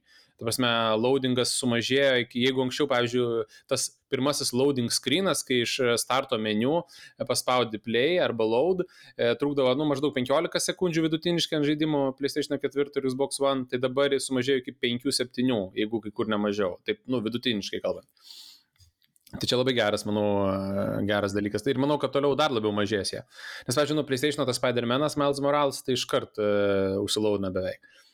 O jeigu nuo miego būsinos, tai irgi vienas mygtukas ir praktiškai per sekundę. E, su ESU, jo, čia, čia viena turbūt tų funkcijų, kurie, kurie stengiasi labai optimizuoti Microsoftas, nes nu, ESE aš kokius ke, keturis, man atrodo, keturis žaidimus rodo tame mhm. greito paleidimo meniu, keturis paskutinius, kuriuos tu žaidėjai ir net tarp didelių, jisai net tarp didelių ir net su ESU peršoka. Taip, taip, aš esu šitą, nu, aš neturiu, bet mes skaičiau apie tai, kad realiai PlayStation 5 e, šito ir neturi. Jis turi tik vieną žaidimą už, nu, užmigdyti ir pasikelt. Tai dar biškai papasakok apie nu, pačią fizinę, ta prasme, kaip nu, dydis jo pultelis pats. E, pultelį tam atrodo vienodi, žinai. Ne, ne, ne, žinok, čia pasakysiu tikrai, yra, čia yra ir trūkumų, ir, ir, ir privalumų. Tai Man asmeniškai Xbox Series X, e, bent jau, nes tik tą turiu, dizainas man asmeniškai, nu, tikrai yra patrauklesnis už PlayStation 5, nes Series X, nu, iš pradžių, kai buvo koncepciniai tie piešiniai arba pirmieji tie, na, e, lygai, kai jis atrodė tarsi kolona ir mačiau internete juokavo ir mano draugas sako, oi, bus mano perfect e, stovas GameCube'ui bet iš tikrųjų tai, iš tikrųjų tai, na, šiaip labai tokio minimalistinio ir gražaus dizaino ir labai patogiai man, pavyzdžiui, įsistatė, jisai gražiai ten po tokią komodėlę ir, ir vedinimui užtenka ir jis toks, na, labai kompaktiškas iš tikrųjų ir labai taip gražaus tokio dizaino, o PlayStation'as, na, nu, jis tikrai didelis yra ir jis tikrai per didelis ir, ir ta prasme, nei tu jį guldysi patogiai, reikia statyti vertikaliai, turbūt, nežinau čia kaip, kaip kam, bet... Ir jis matosi. Čia toks pabaustint, kai nori, tipo, va pas mane nauja konsolė. Nu jo, jo, bet žinai, čia pirmą mėnesį, tai paskui truputėlį pradeda jisai grįsti. Ir jis toks tikrai didelis ir kai aš matau kasdien juos, tai e, atrodo, kai atėjus, kai pasitatė tik Xbox Series X, tai atrodo, nu tiesiog, vat, kaip priedėlis toksai naujoviškas, šio laikinis priedėlis prie tavo tenais e, tech rygo O PlayStation'as atrodo kaip meno kūrinys, tai atrodo, kad ateini į muziejų. Ir... Skulptūra, jo, jo, čia turi jam skirti dėmesio. Tai va, bet, bet pultelis, kaip bebūtų keista, Xbox Series X, aš labai nustebau, kad jie, nu, jo, aš e, skaičiau ir mūsų dabar aprašą laidos iš prieš tai, kad argi tikrai ten buvo tas e, vis dar dylas su duraseliu, bet jo, jisai ateina su baterijom vis dar, AA, kai jau Sony jau antrą kartą konsolių leidžia su laidų įkraunamu pulteliu, e, Microsoftas vis dar lieka prie baterijų ir tas pultelis beveik nesiskiria, Xbox beveik nesiskiria nuo Xbox One. Vienintelis skirtumas yra, kad um, kai jau laikai į rankose, tai uh, jisai groblėtiškesnis toks šiek tiek, bet that's it. Tai yra vienintelis, vienintelis skirtumas. Ir mane tas kažkiek nuvylė, nes, na, aš tikrai norėčiau opcijos į bandyti krauti laidu, aš kiek žinau, ten galima tą susiveikti, tuos pakrovėjus, bet, na, norėčiau, kad tą jau kuriejas, um, gamintojas tai yra, jau uh, suteiktų iš karto. Aš taip pat, netgi gal šiek tiek ir polemizuočiau šitoje vietoje. Šitokiu atveju, būtent kai Microsoftas suteikia tau galimybę e, turėti AA baterijas, turėti AA įkraunamas baterijas ir galbūt tą akumuliatorių, kurį gali įsistatyti. Tai savotiškai jis daugiau duoda nu, galimybių vartotojui, negu kad jeigu būtų tik tai viskas įmontuota ir užšaldyta kaip DualShock'e. Nes jeigu DualShock'e tavo baterijai kažkas atsitinka, tai jau tau tada reikia eiti, nežinau, pas meistrą, keisti, išmesti tą daiktą, o šį čia savotiškai tu gali sumažinti riziką. Nu jo, iš, iš dalies dabar, kaip pasakėjai, dėl to, kad jinai montuota PlayStation'e, tai jo, racijos yra, bet, bet vienas, čia du dalykai, man asmeniškai kaip vartotojui, tai kad Microsoftas, nu tiesiog įdeda baterijas ir vetsit, tai jeigu tu nori ten tų įkraunamų, e, tai tu turi jau ieškotis pats, kurios čia geriausias su akumuliatoriumi, jeigu tu nori jau tada e, to priedėlio, kad, nu, turėtum įkraunamą su laidu, tai irgi tu jau turi pats ieškotis ir papildomai pirkti, bet kalbant apie PlayStation, tai pavyzdžiui ketvirto su vienu pulteliu nuo pat konsolės įsigijimo PlayStation 4, su to pačiu pulteliu iki šiol ir žaidžiu. Tai niekada nebuvo jokių problemų. Nu ir netgi kartais rage quitinau žaidimus, bet neįskilo, nenuskilo ir akumas iki šiol veikia ir laiko neblogai iš tikrųjų. Nu, ja, man tai irgi tas biškai keista, kad aš m, reikia dar pasigilinti, nes aš, pavyzdžiui, turėjau senesnės pakraunamas, įkraunamas baterijas ir įsidėjau į pultelį ir jos neveikia. Tai, tai gal aiškintis, kodėl. Nes aš naudoju tik tai pakraunamas. Bet jos kitur tai veikia pakraunamos kitose įrenginiuose, būtent šitame neveikia. Gal jam galios reikia daugiau, čia dar reikia pasigilinti. O tas ir yra nepatogu, kad jeigu, jeigu turėtų kaip bandlą pasiūlymą, kad va, jeigu nori, tai, žinai, paklikinį, pavyzdžiui, mm. kad va, aš noriu įkraunamą bateriją arba noriu iš karto pirkti kartu tą pakrovėją, tai būtų super, bet dabar, kai reikia atskirai ieškotis, nu tai...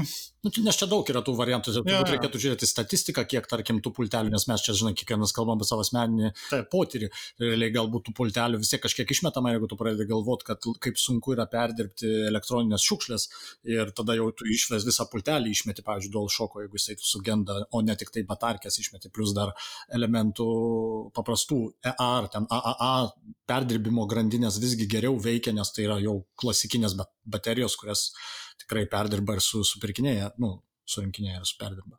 Tai va, dar paskutinį momentą noriu dėl pultelių pasakyti, kad um, vis dėlto PlayStation 5, na kaip čia visi jau ir kalbėjo, DualSense jisai, na, tikrai suteikia žaidėjui tą tokią naujesnę patirtį žaidžiant. Ten tikrai užsilokina tie triggeriai, kai šaudai, uh, vibracija ir taip toliau yra tikrai pakelta į šiek tiek kitą lygį, ten kai lietus lyjant veikėjo ir tu tą jauti kitaip. Artojas ten visą yra, Arturas Rumensibas visą ten pastraipą prirašęs apie tenais pultelių orgasmus ir panašiai, bet jo, kalbėjom, kalbėjom šiek tiek. Bet Xbox'as vis dar, uh, dabar, kadangi turėjau patirties visą savaitgalį, žaidžiau V-Medium, kur yra pats naujausias žaidimas uh, Xbox Series X, tai yra vis dėlto funkcija, ypač vibracijos ir viso to potyrio, labai labai last gen yra. Ir, nu, tiesiog, kai kažkas intensyviau, tai ir vibruoja ant maksimumo, kaip tai gali, net pultelis drebėti pradeda rankose. Tai toks, na, visiškai toks primityviausias e, tas vibravimo, vibravimo patirtis. O, žodžiu, DualSense, kai pažaidži ir po to, kai bandai su Xbox žaisti, tai labai jauti tokį skirtumą, nes ten tai tikrai taip e, dinamiškiau, subtiliau ir panašiai.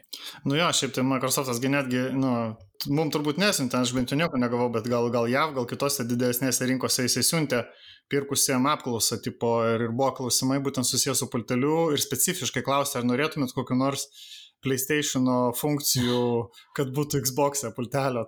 Tai jo, tai aš gal tada trumpai biškai apie ESA papildysiu.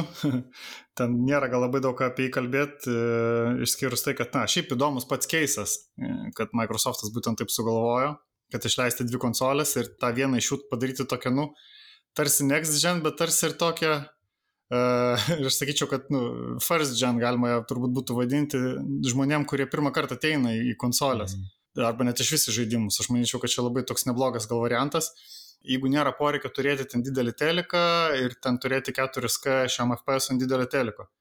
Tai vat, aš, aš dėl, dėl ko įpirkau, nu, dėl, dėl to, kad e, pas mane būtent, nu, artimiausiu metu neplanuoju didelio teliko turėti, pas mane toks yra jau retro, galima sakyti, televizorius ir e, nėra daug vietos ir vat, būtent esas jisai visiškai kaip A4 lapo dydžio, gal net mažesnis, ten 5 cm ar kiek storio. Tai jis tokia, nu, visiškai mažytė kaip radijukas dėžutė kaip mini, mini PC gal būna tokių keisų. Primena radiją, nes tas juodas ventiliatorius. Jo, jo, nes juodas kaip garsiakalbis atrodo.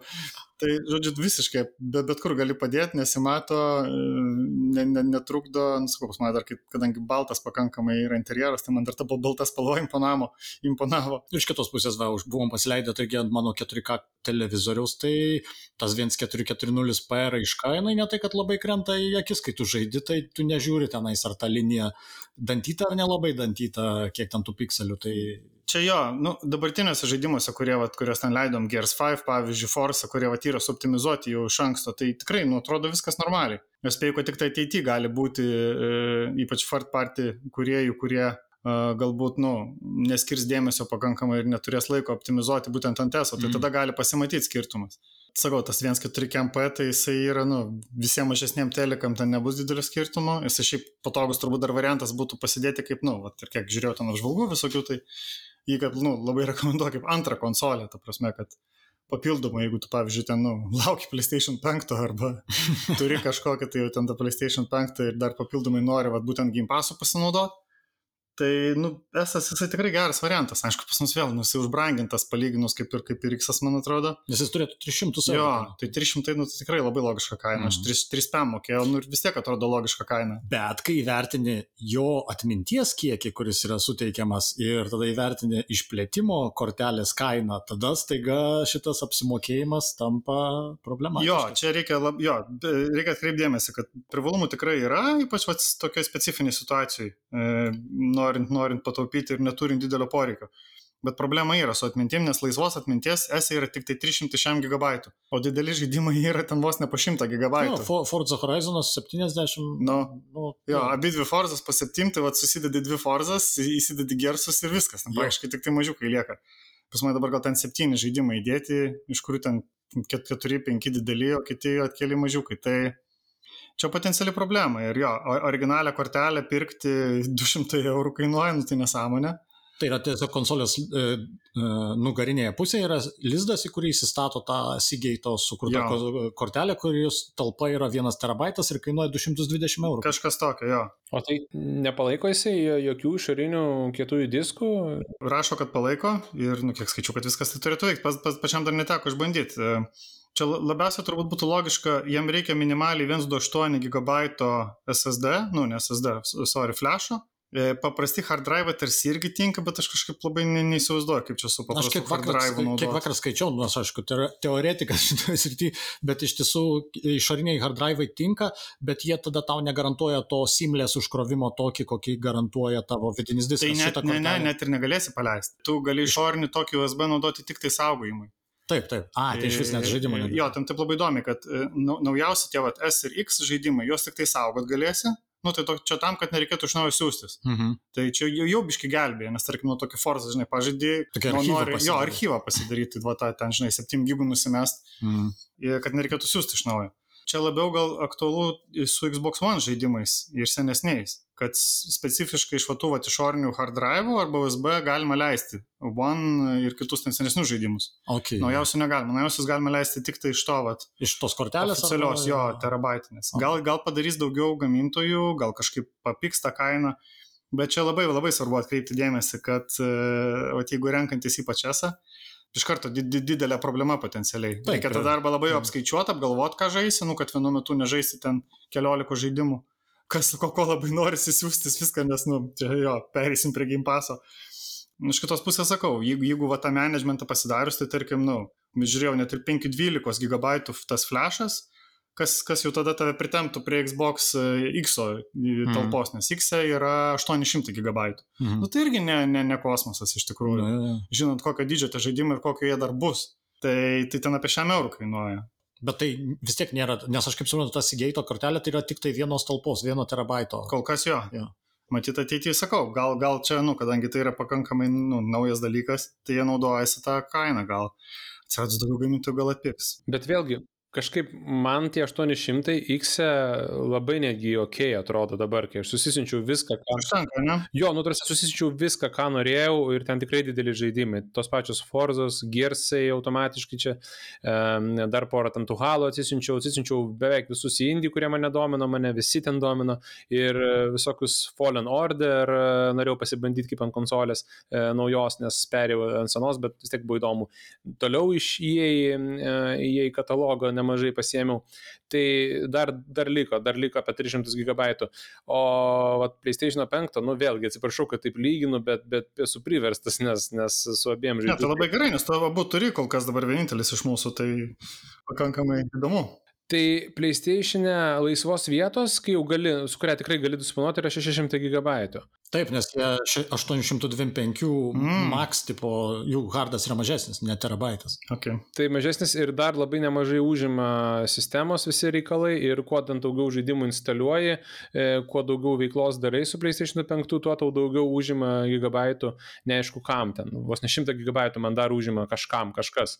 Tai, nu, vieta, vieta labai labai ištirpsta greitai, o kažkaip ant Xbox'o ne taip greitai, kas mane nustebino, nors aš taip, nu, rajus tai vietai esu, bet Tai man su PlayStation visada tas buvo ir su ketvirtu irgi, amžinai, man buvo dilema, tai aš ten pasidariau savo išorinį hardą terabaitą ir buvo labai gerai tada man. Bet e, jo, dabar kaip paklausiau, tai teisingai sakai, Richardai, kad su, su Xbox bus sunkiau šitoje vietoje, nes jeigu nori, kad krautų iš karto žaidimus, taip kaip dabar su šitą konsolę, jau vidinių hardų, tai jo, bus problema. Ja, bet jo, nes šitas tai fantastinis dalykas, ta prasme, aš, nu, ant, ant tiek pripranti greitai prie to, kad aš net neįsivaizduoju, kaip kitaip galėtų būti. Nu, toks va tikrai kaip Netflixo žiūrėjimas. Na, to pažiūrėjai, sustabdėjai, jo, įjungi kitą, pa, pažiūrėjai, sustabdėjai, čia sakau man sakau, man labai tinka e, būtent šitas toks e, formatas dabar, nes, ne, perinant jau turbūt prie, prie pačių žaidimų ir prie paties Game Passo patirties, tai, nu, bent, bent, jau aš tai sakau, man buvo viena netgi svarbiausia turbūt priežastis, dėl ko va, tai Xbox'ą pasiėmiau, dėl to, kad mano situacija tokia, kad man reikia atsivyti pastarųjų kelių metų žaidimus, bent jau kažkokią dalį jų, nes aš taip aktyviai pastarosius kelius metus nežaidžiau. Ir, ir nežinau, taip sutampa ar nesutampa, bet būtent ten, nu, Game Pass yra labai daug žaidimų, e, čia turbūt ir ta Bethesda nupirkimas prisidėjo, ir gameplay, kad, e, nu, ten yra tokie žaidimai, kuriuo aš ankstesnės versijas, nu, ankstesnės serijų dalis labai aktyviai žaidžiau, o paskui tiesiog neturėjau galimybių. Tai aš sakau, aš kai atsidariau, tai man ten biškekis, sakė, susisuko, tai net nežinau dabar, ką, ką daryti. Reikia kažkaip... laiko iš kažkur ištraukti. Jo, tai, tai turiu galvoje, kad, nu, sakau, žmonėm, vat, kurie galbūt nežaidė kelis metus arba planuoja pradėti aktyviau kažkaip tai žaisti, kas panašu, kad bus su šita karta, e, kad žmonės, galbūt tie, kurie net ir nelabai taip domėjosi žaidimais, gali jau pradėti, bent jau aš pats jaučiu tą iš aplinkos, kad jau, nežinau, kokius 5-6 esu pakonsultavęs ir pardavęs, pardavęs, žodžiu, arba vienokią arba kitokią konsolę, arba bent jau tikslą nusipirkti iš, iš, tokiam, nu, iš, iš tos aplinkos, kuri absoliučiai nesidomėdavo žaidimais. Jeigu Game Pass'e uh, iš esmės neipatingai judės tie žaidimai, tuose ateidinės išeidinės, tarkim, net, nu, tas ciklas bus pakankamai ilgas, tuomet gali atsirasti kitoks įprotis pačio žaidėjo, nes dabar dažniausiai žaidėjai, nu, yra dalis, kurie, tarkim, kaupia backlogą ir, ir nespėja visko, o kiti tiesiog lekia su nu, su laiku, su, su premjeromis. Mhm. O tarkim, vat, Game Passas galėtų leisti tokiems seneliams, e, kurie, tarkim, neturi laiko ir tada tu jau nustoji bėgti su laiku, tau nebesvarbu, naujausias žaidimas, senesnis žaidimas, tiesiog yra kaip bibliotekoje. Ateini, pasiimi knygą, išsitrauki ir žaidi. Čia išsprendžia tą problemą, nu ką, iš dalies, nu, PC irgi sprendžia, kad, vat, kaip, kad tu gali be problemų pažaisti senesnius žaidimus ir pradėti vat seriją nuo pradžių kažkokią. Na, backwards compatibility kažkaip PC nėra tokios problemos. Nebuvo. Mm kaip Xbox. Jo. Aš tai norėjau sugrįžti e, gal žingsniu atgal, kodėl, kodėl iš viso tas, tas Game Passas pas Microsoft yra, na, mano, mano nuomonė, aš aišku, ne, ne koks e, Microsoft analitikas ar, ar kažkoks e, gandų guru, bet, na, kiek, kiek man teko skaityti, domėtis ir klausytis kitų nuomonių, tai jeigu lyginti šitas dvi didelės korporacijas Sony ir Microsoft, kurios, kurios jau dvi konsolių kartas prieš tai, na, gal, net ir, gal net ir tris konsolių kartas prieš tai e, varžėsi dėl, to, dėl, to, dėl tos konsolių rinkos, tai man atrodo šiuo metu dabar e, Microsoftas nuėjo šiek tiek kitų kelių negu Sony. E, nes Sony kaip buvo, taip ir liko, sakykime, tokia labiau prestižinė, premium kategorija, vat, ir, ir, ir tiek iš hardware pusės, e, tiek iš uh, jų exclusive žaidimų pusės. O Microsoftas nuėjo, sakykime, jeigu būtų pagal televizijos analogiją HBO Sony būtų, na, ta prestižinė televizija, kur yra keli serialai, kur tu niekur kitur jų negausi, tai Microsoftas nuėjo to Netflixo keliu, kai jisai na, bando eiti ant masiškumo, ant kiekybės, ant kuo daugiau galimybių visiems žaisti tuos žaidimus. Ir, na, tas Game Passas yra toksai labai logiškas žingsnis, kaip ir centrinis taškas visos tos jų ekosistemos, į kurį tu gali patekti įvairiais būdais. Tai ir per PC gali patekti, ir dabar jie leis ir per, um, sakykime, tą, tą cloud, cloud streamingą, cloud gamingą naudotis tuo Game Passu ir aišku per konsolės irgi svarbus svarbus, svarbi dalis Microsoft strategijos, bet tai nėra kažkoks jau na, pagrindinis jų produktas, be kurio, be kurio kažkaip jiem nesiklijuotų niekas.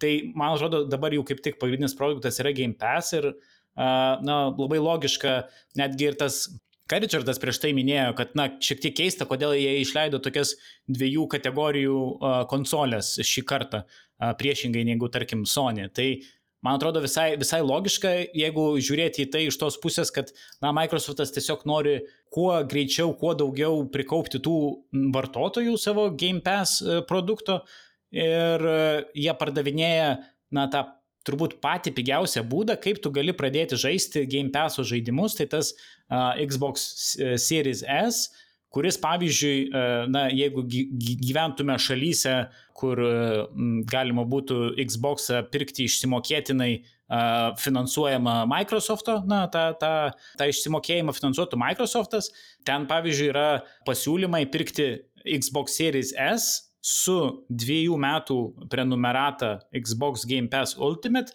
už 25 dolerius per mėnesį. Tai dar labiau sumažina tą, tą sakykime, barjerą, jeigu, jeigu dabar uh, galvodavai, na, pirkti konsolę, tai, na, ten sumoki 3-400 tų pinigų ir dar sumoki po ten 40-60 pinigų už kažkokį didelį, didelį žaidimą, tai šituo atveju tu turi tiesų kelią už, už tos 25 dolerius, na, įsipareigojimas dviem metam, bet, na, žaisti, na, AAA tikrai m, naujausia, naujausius žaidimus tikrai ne, ne pačiom pračiausiam sąlygom. Tai jo, aš gal tik norėjau va tą dalyką paminėti, kad, man atrodo, yra žaidimų Netflixas ir jisai vadinasi Microsoft Game Pass šiuo metu. Mm, jo, ir jie kaip tik dalinasi Dabar yra 18 milijonų vartotojų. O Liepa buvo 10. Jo, praškai beveik padvigubėjo nuo, nuo Vatano Tai jie labai jau stipriai šitą Mm. pušina. Iš kitos pusės, aišku, yra klausimas, ar žaidimų kuriejams tas patinka, nes kaip muzikos industrija nudegė, nes visi tuo metu, kas tas platformas kūrė, tai visi buvo tuo metu dosnūs ir, ir vis kvietė, kad ateikit pas mus, mes čia finansuosim, bet kai, jau prisi, kai jie jau prisijaukino visus prie, vartotojus prie savo platformų, tada jau tiems kuriejams buvo praščiau. Atvertė sąlygas tada. Jo, jo, tada jau turbūt pradėjo mažėti visi, nes realiai, nu, tiesiog turbūt vertinant vieno AAA žaidimo sukūrimo biudžetą ir kiek tu gali surinkti iš žaidėjų, tarkim, nu, per tą vat, prenumeratą, vat, klausimas, ar skaičiai susieina, man atrodo, kad nelabai. Net įdomu, kiek turi būti žaidėjų ir subscriberių, kad nu, visą tą matematiką gerai veiktų. Kol kas ta Microsoftas turbūt degina savo pinigus. Ko gero. Nu, bet sakė, kad Microsoftas dabar tiek uždirbo, kad du kartus galėtų nusipirkti vėl Bethesda. Bet čia vienas dalykas. O, o, o kitas dalykas, tai uh, Vemedium, dabar šitas žaidimas, kur yra nu, tikrai karšta naujiena, karštas geras labai žaidimas, Lenkų kuriejų. E, skaičiau, kad jiem per dvi dienas uh, atsipirko visi gamybos gamybos, kūrimo ir reklamos kaštai, kuriuos jie sunaudoja. Tai iš viso 12 milijonų dolerių. A, yra biudžetas taip, paskelbtas jau. Taip, nu, jie taip įvardino tą sumą bendrą, kad jie atidirbo 12 milijonų dolerių, kurie buvo tai sukišti marketingui ir, ir visam kitam. Tai dabar nuo šio, nuo šio taško, dabar, kai žaidimas tik tik išleistas po dviejų dienų, jisai pradeda uždirbinėti jau pinigus, jau.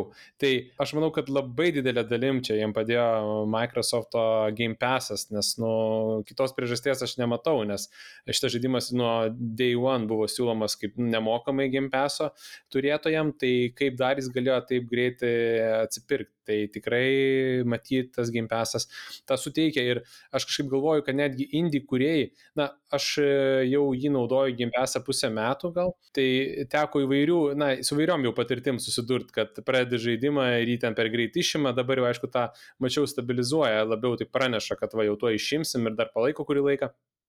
Bet mano, pavyzdžiui, pažįstamas, kur labai sėdęs buvo ant Game Passo jau nuo seno ir labai jo ambasadoriumi yra, tai susigundo labai dažnai tokiais žaidimais, kaip, nu, jis yra visiškas casualas. Tai pats žaidimų neperka dažniausiai ir visus tos hitus vat, bando per Game Passą susigaudyti, kai jau jie išeina. Jeigu neišeina, jam ir nereikia. Tai išėjo Red Dead Redemption 2 Game Pass'e, aišku, jisai buvo ten labai mažai, apie mėnesį, jeigu neklystu dabar, tai vos vos spėjo pereiti ir labai didžiavosi, o kaip man čia pavyko, bet ten jau rašino naktim paskui. Tai, Tai vat vienas aspektas, kad e, gali medžioti tos AAA, jau super AA, aš nežinau, kaip ten juos pavadinti, žaidimus, vienetinius e, ir tau pavyks, tą padarysi, peržaisi, bet aš, pavyzdžiui, žymiai labiau e, Game Passą pamėgau dėl labai labai labai didelio kiekio indis žaidimų, nes aš e, dar prieš tai, dar prieš pusę metų vien per e, PS4 gaudydavau, pavyzdžiui, tą patį Spiritfarer, e, dar krūvą kitų ir, nu, tiesiog perki, žaidi ir viskas, ir remi kuriejus. O čiagi mačiau ir Spiritfarer, ir, ir kaip ten tas Code. Code Vein. Jo, jo, jo. E, šitas labai geras, žodžiu, ir ne vienas, ir dabar dar. Taip, aš, pavyzdžiui, Gris žaidžiau, irgi vat jį išiminėjau ir, ir, ir nu, tikrai neįtikėtinas perlas e, indie žaidimų, kurį šiaip reikėtų pirkti, o jis vat buvo uh, aišku, jį išėmė ir ten Sea Salt, e, toks Lovecraftiškas, Lovecraftiškas e, ir tavo vat, mm. minėtas tas Grįstas, Messenger, man atrodo. Taip. E, tai tikrai tu pakeičia pačius įpročius žaidimo iš tiesų, nes aš, pavyzdžiui, vat, būtent tą, ką ir sakiau, įmir išsitrauki knygą iš bibliotekos ir pradedi žaisti. Nu, turime, kad aš pastebėjau, kad pradedu žaisti tos žaidimus, kurių įprastai dažniausiai nesirinkdavau, nes tu Steam ar kokią kitą nu, biblioteką savo, kuri ją pagal savo skonį, tu per kitai, ką, nu, ką tikrai nori. Ir tokiu būdu tu formuoji, nu, tavo skonis formuoja tavo biblioteką. O ši čia biblioteka suformuota yra, nu, tiesiog nu, nerandomų, bet tarkim, tų kontraktų, licencijų, kurias gauna jie. Ir tada tai tas sautiškai tau duoda tą laisvę tokia maždaug, o kodėl nepabandžius šito? Mm. Aš tai gal paoponuočiau jų dviem šiek tiek, nedaug. Jo, iš tikrųjų yra labai smagu, kad Microsoftas tiek tų indie žaidimų prisidėjo į, į Game Passą ir įvairus pasirinkimas, tai nėra, kad ten vieno žanro ar, ar vieno vienos tematikos ar, ar, ar vienos kažkokios pakraipos vienos šalies tie ateini žaidimai, tai na, tikrai išsirinkti yra iš ko. Bet trūkumus matau du. Tai e, pirmas turbūt būtų tai, kad e, turint tokias labai stiprias bibliotekas, į kurias patenka indie žaidimai įvairiausi iš, iš, iš įvairių leidėjų, iš įvairių kuriejų, tai tokius žaidėjus kaip, kaip aš, tai sakykime tuos, kurie mėgsta ieškoti nuolaidų ir laukti, laukti kažkokių išpardavimų ir sekti visas naujienas ir daug laiko praleisti svarstant, na, kur galima būtų tos sunkiai uždirbtus pinigus išleisti e, kokį indį žaidimą naują nusiperkant, tai šiek tiek nemotivuoja, sakykime, leisti pinigus e, perkant žaidimus, o, na, turbūt verčiau bandysi palaukti, Galbūt įdės į, į Microsoft'as, į Game Passą tą žaidimą kada nors, galbūt Humble Bundle savo mėnesiniam subscription'e duos labai gerą kainą tam, tam žaidimui ir, ir dar krūvai kitų kartu su juo. Galbūt e, Epicas įdės kaip nemokamą tą, tą žaidimą, tai aišku, čia Microsoft'as nėra vienas, bet toksai bendras, sakykime, žaidimų vertės sumažėjimas tarp indžių, na, bent jau aš jį jaučiu kaip grinai kaip pirkėjas kalbėdamas, ar ne? A, tai jeigu tie AAA žaidimai dar gali, na, savo tokiu marketingu iš, išsimušti to žaidėjų pinigus, kad, na, Tai aišku, tu gali laukti 2-3 metus tikėtis kažkokios nuodos, bet jeigu tu nori va dabar žaisti tą žaidimą, nes visi jį žaidžia ir visi apie jį kalba, na, tai teks tau, tau jį pirkti, ar net tiesiai iš mūsų. A, su indžiai dažniausiai tokio, tokio kaip sakyt, hypo a, didelio nebūna ir, ir tu galbūt labai daug a, nepraloši ten. 2-3 metus to žaidimo nepažaidęs ir, o galbūt ir net išloši neišleidęs pinigų, o vad gavęs jį tiesiog, na, kabutėse nemokamai savo subscriptionę.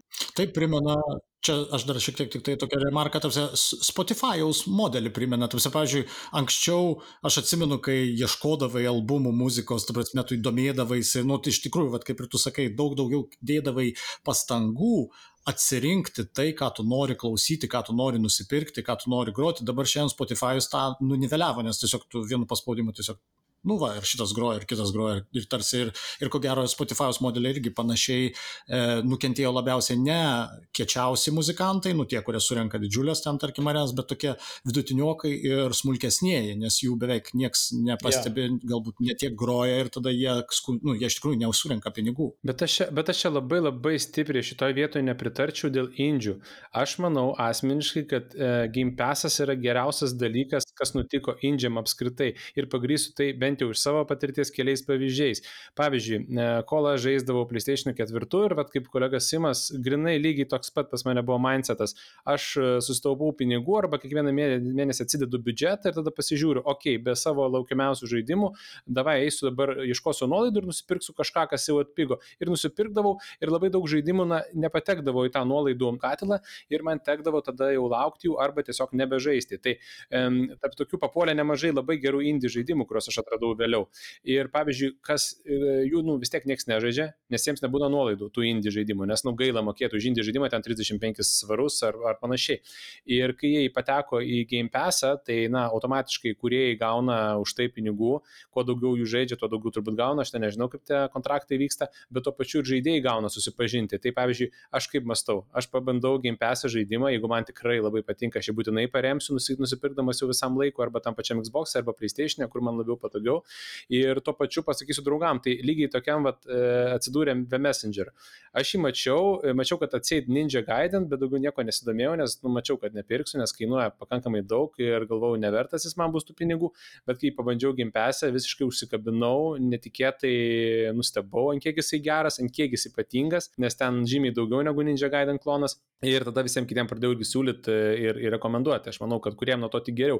Ar jisai gulės game pesę ir jį žais, na, neišvengiamai žais, nes jis ne visų pirma, kaip, kaip kabutėse sakom, nemokamas. Kitas dalykas, kai tu game pesę daug tenais žaidži dalykų, kaip įprasta, tai tau po to pradeda rekomenduoti. Sako, žiūrėk, tu dar pabandėjai naujausią Cyber Shadow, kur va, tik ką išėjo, pabandyk Messenger, tu pabandysi jį.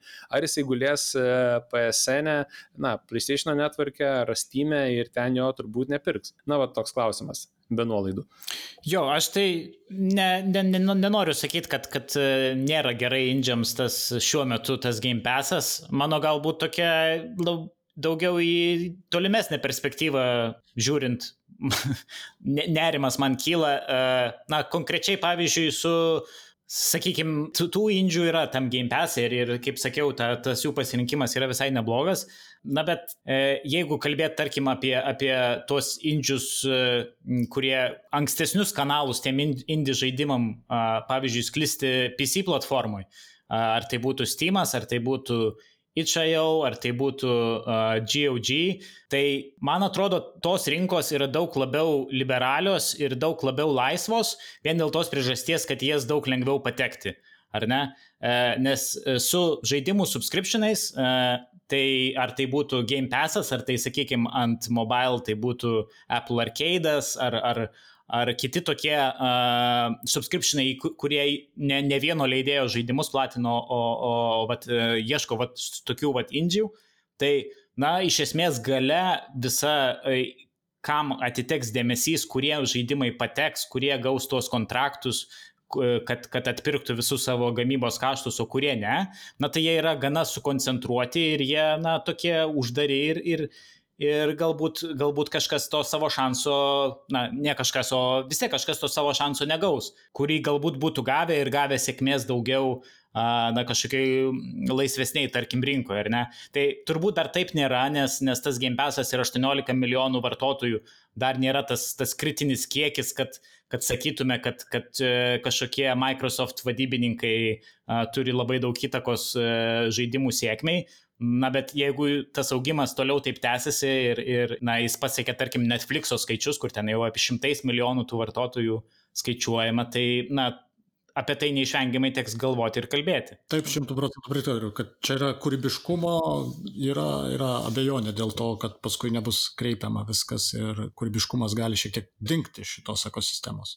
Bet iš kitos pusės, tai visų indžių, visų labai sėkmingų indžių laukia, na, lasda turi du galus šitoje vietoje ir yra kitas galas lasdos, kuris labai, man asmeniškai labai liūdnai pasirodė, vat su, yra toks žaidimas e, Firewatch, labai labai vykęs, man asmeniškai labai patinka, daugam irgi, ir jo kurie įkūrė savo sekantį žaidimą, daugelis laukia, nepaslaptis, ir tada Valve įsigijo tą studiją ir sako, gerai Hebra, kad kūrėt savo žaidimuką, dėkui, bet dabar atidėkite į šalį ir visas dėmesys Half-Life Alex.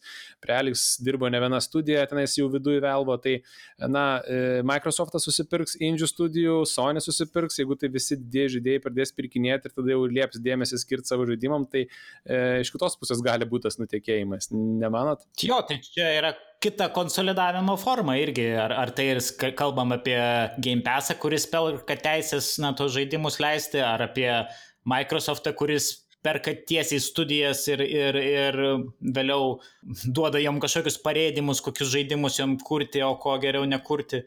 Tai, na, čia reiškinys tas pats, tai gal kitom formom. Na, čia tos įvairovės, žodžiu, vien, vienai per kitaip jos bus. Manau, kad, nu, tas, va, įsigalios gal tas, va, tas triple I vadinamas formatas, kurio vis tiek dar daug nėra. Uh, tų tikrai ten didesnių indie žaidimų padės, vat, būtent gal tie game pasai ir konsolės e, jiem įsibėgėti.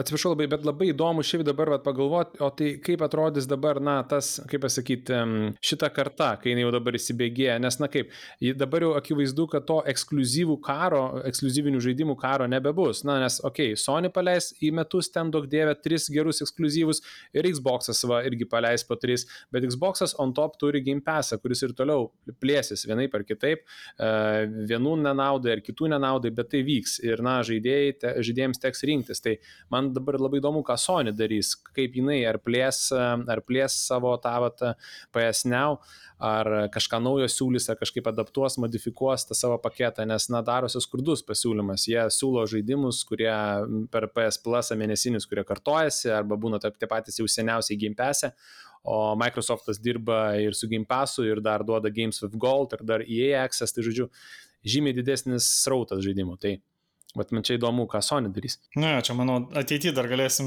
laidose pasiekti ir pasižiūrėti tokią kaip, na, reguliarią mano rubriką galėsim padaryti. Bet Sony beveik ne, niekur nesugirdėjo signalo, kad jie judėtų į streamingo turmenį, va tai tokia, nu, ne streamingo, bet turmenį žaidimų Netflixo pusę kažkas tokio, kaip kad va, ten kokios stadijos ar GeForce Now. Manau, kad neišvengiamai teks jiems tenais atsidurti vienai per kitaip, nes, na, konkurencija. Na, čia sakau, pasižiūrėsim dar ateityje.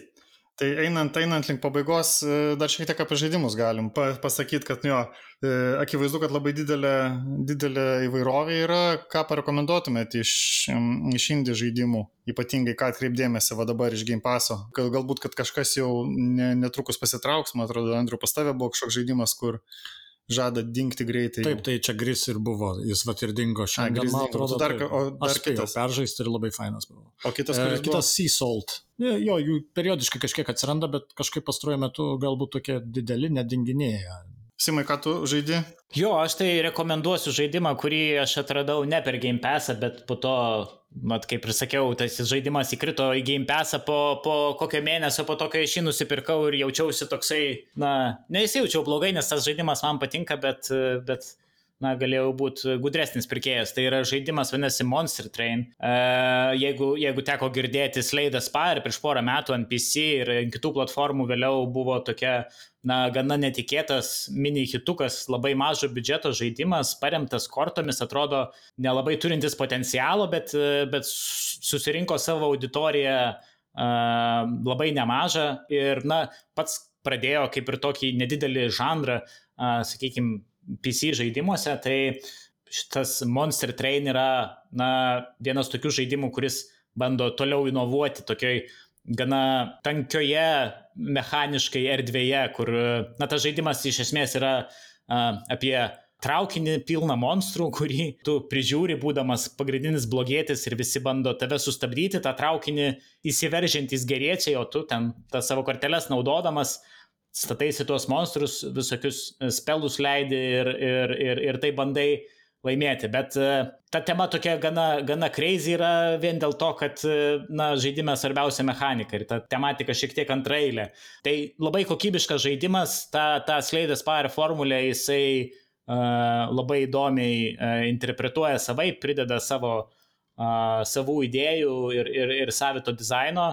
Ir nežinau, man atrodo toks labai tinkamas žaidimas, vad ką ir kalbėjom, uh, Game Pass'ui, ar ne? Uh, turbūt jeigu nesimėgėjęs to žanro, turbūt tokio žaidimo nepabandytum net, nes galbūt apie jį ar nežinotum, ar, ar, ar atrodytų keista leisti 20 eurų vien dėl to, kad, kad na, pasibandyti, pasieksperimentuoti. O čia yra na, toks labai, labai tiesus ir, ir trumpas kelias, jeigu kažkur išgirdai, kažkas šiek tiek sudomino iš karto iš karto tai pasibandyti. Mhm. Vyto, tai tu tai su mediumu sėdėjai, ne? Visą savaitgalį, kaip supratau. Jo, aš su medium, e, prie to tuoj sugrįšiu per sekundę, bet e, dar labai norėjau papasakoti šiek tiek apie savo indis žaidimus, kuriuos aš vat, išbandžiau būtent tokiu būdu per, per Gimpesą ir ką labai rekomenduočiau žmonėm.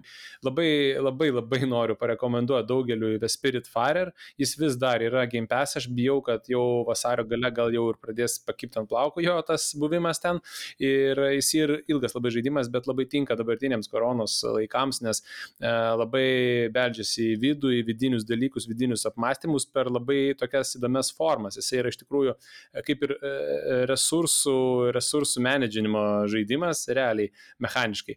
Bet tuo pačiu tu plukdai didelį laivą, kuriame visų tinki skirtingas sielas, tai pasme, pasikvieti pas savį laivą ir tu turi su tom sielom bendraujant, kurios įgauna tenais buvę, buvę žmonės, bet įgauna kažkokius gyvūnų pavydalus, tokius e, sakralinius. Tai su jais bendraudamas, juos pažindamas ir suprasdamas, ko reikia jiems prieš jų tą galutinį atsisveikinimą, tu va tokiu būdu palydi tas visas sielas e, į kitą pasaulį. Labai lyriškas žaidimas, labai netikėtas, labai meniškas iš tikrųjų ir labai, na, e, patampo tas vidinės stygas, labai netikėtom formom. Tai tikrai, tikrai labai rekomenduoju. Ir dar ką iš tokių mažesnių rekomenduočiau, tai yra žaidimas, kur mačiau labai kažkaip mažokai susilaukė dėmesio, bet Vekerion vadinasi, e, visiškai apverčia visą tą formulę, kaip pavyzdžiui yra monstras ir eina geriečiai to monstro kaip nors ten galabyti arba tenais likviduoti, tai čia atvirkščiai. Tu būni monstras, kuris nuo gemalo susiformuoja mokslininkų laboratorijoje, išsiveržia ir tu vis augi, augi didėjai, išsiveržia iš bazės, tada tenais eini po pasaulį, žodžiu, labai toks jisai įdomaus stiliaus e, apipavydalinimo ir tikrai išskirtinis žaidimas indie. Taip, galima dar aš įsikišiu truputėlį tas Sea Salt, kurį minėjau, irgi tą pačią formulę naudoja, nes tame žaidime tu esi Ktulų tas vat, būtent dievas Ktulų, kuris uh, užleidžia žmonių pakrantės miestus įvairiais kirminais ir vabalais, kurie tuos uh, žmonės puola ir, ir tu gali tobulinti savo tą visą armiją, tų tamsos armiją, gelmių armiją. Tai va irgi čia ta populiari tokia matosi premisa. Ir paskutinis dar momentas, tai labai visą laiką norėjau išbandyti žaidimą Sea of Solitude, bet kažkaip, bet, nu vis, kaip ir Simas minėjo, vis nebuvo nuolaidos, o aš principingai laukiu, kad jis būtų su nuolaida. Norėjau nusipirkti su nuolaida. EA, EA Access čia žaidimo yra ir e, dabar su Gimpesu, kadangi EA po Gimpeso sparnu, tai išbandžiau pagaliau ir labai labai nustebau, iš tikrųjų būčiau gailėjęsis e, jo neišbandęs galiausiai, nes tikrai įdomus žaidimas irgi apie merginą, kuri ten serga depresija, bet viskas iš kito galo rodoma ir labai įdomiai, įdomiai labai išgvildenamas tas visas gyvenimas jos ir kas kaip padarė įtaką jos depresijai. Ir kokiom formom pačiam žaidime, kurie nusprendė tą parodyti, yra labai įdomu. Ir aš vat, džiaugiuosi, kad jie vis dar vat, randa savyje jėgų, nepaisant to, kokie jie blogi, e, išleisti tokį žaidimą kaip, kaip Sea of Solitude. Tai irgi labai rekomenduoju ramiam savaitgaliui. Tai va, ir Vemedium, ar ne? Tai e, kodėl Vemedium labai yra svarbus žaidimas, na, jis yra ir ant personalinių kompiuterių, be jokios abejonės, tai tą reikia pastebėti, bet uh, jisai yra pirmasis uh, Xbox Series X ir, na, Xbox Series S ekskluzyvas ir uh, kalbant jau apie tą konsolių ekskluzyvų karą, tai uh, Vemedium yra labai svarbus, uh, na, žaidimas Microsoftui, nes uh, tokio žaidimo bent jau PlayStation savininkai kol kas neturi. Jie turi Spider-Man, jie turi Demon's Souls, kuris yra įspūdingas savaip, bet um, ir turi turi Sackboy, bet tokio kaip Medium ne. Ir Medium šiaip yra labai išskirtinis žaidimas dėl to, kad tau iš pradžių atrodo, na, kad tai tikriausiai bus uh, siaubo žaidimas, uh, kuris uh, žaisis tokiu principu kaip Silent Hillas. Nes uh, visi turbūt girdėjo, ar daugelis, kad Akira Yamaoka, kuris dirbo prie Silent Hillo garso takelių, prisidėjo ir prie Medium. Jis nebuvo vienintelis kompozitorius, bet buvo vienas iš dviejų. E, ir atrodo visiems, kad čia na bus Silent Hillas toksai šiuolaikinis. Bet iš tikrųjų tai visiškai ne.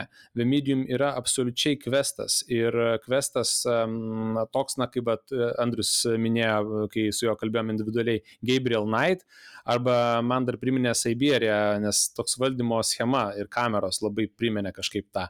Tai visas žaidimas toks ir yra. Ir yra keletas vietų ten, kur tu turi slėptis nuo monstro ir panašiai, bet bet visas pagrindinis naratyvas pastatytas ant sužeto ir ant to, kaip tu išgliaudai ir kaip jis pats išsigliaudo aplink tave ir nieko čia nespoilinsiu, bet e, žaidžiant yra ypatingai netikėtų vietų, kur visiškai išmuša, nieko panašaus nėra buvę. E, ir prie to dar prisideda tai, kad nors tai kvestas, kurie sugebėjo e, įgyvendinti savo svajonę. Aš skaičiau, kad jie norėjo tą padaryti nuo 13 metų ar 12, šitą idėją įgyvendinti, kad skelti žaidimą į dvi pusės E, ir vienu metu paleis du žaidimus, e, vieną kitą, tai yra tas pats žaidimas, bet e, du skirtingi pasauliai ir tu abiejuose vienu metu per split screeną valdai e, veikėjas. Tai senos konsolės to neleido padaryti, su šitomis naujos kartos pavyko jiems tai ir kaip jie išnaudoja tą split screeną galvosūkių sprendimui ir ne tik galvosūkių, bet tokių, na, loginių sprendimų, momentinių, ką reikia padaryti ar, ar e, iš karto kaip sureaguoti, tai yra tiesiog įspūdinga.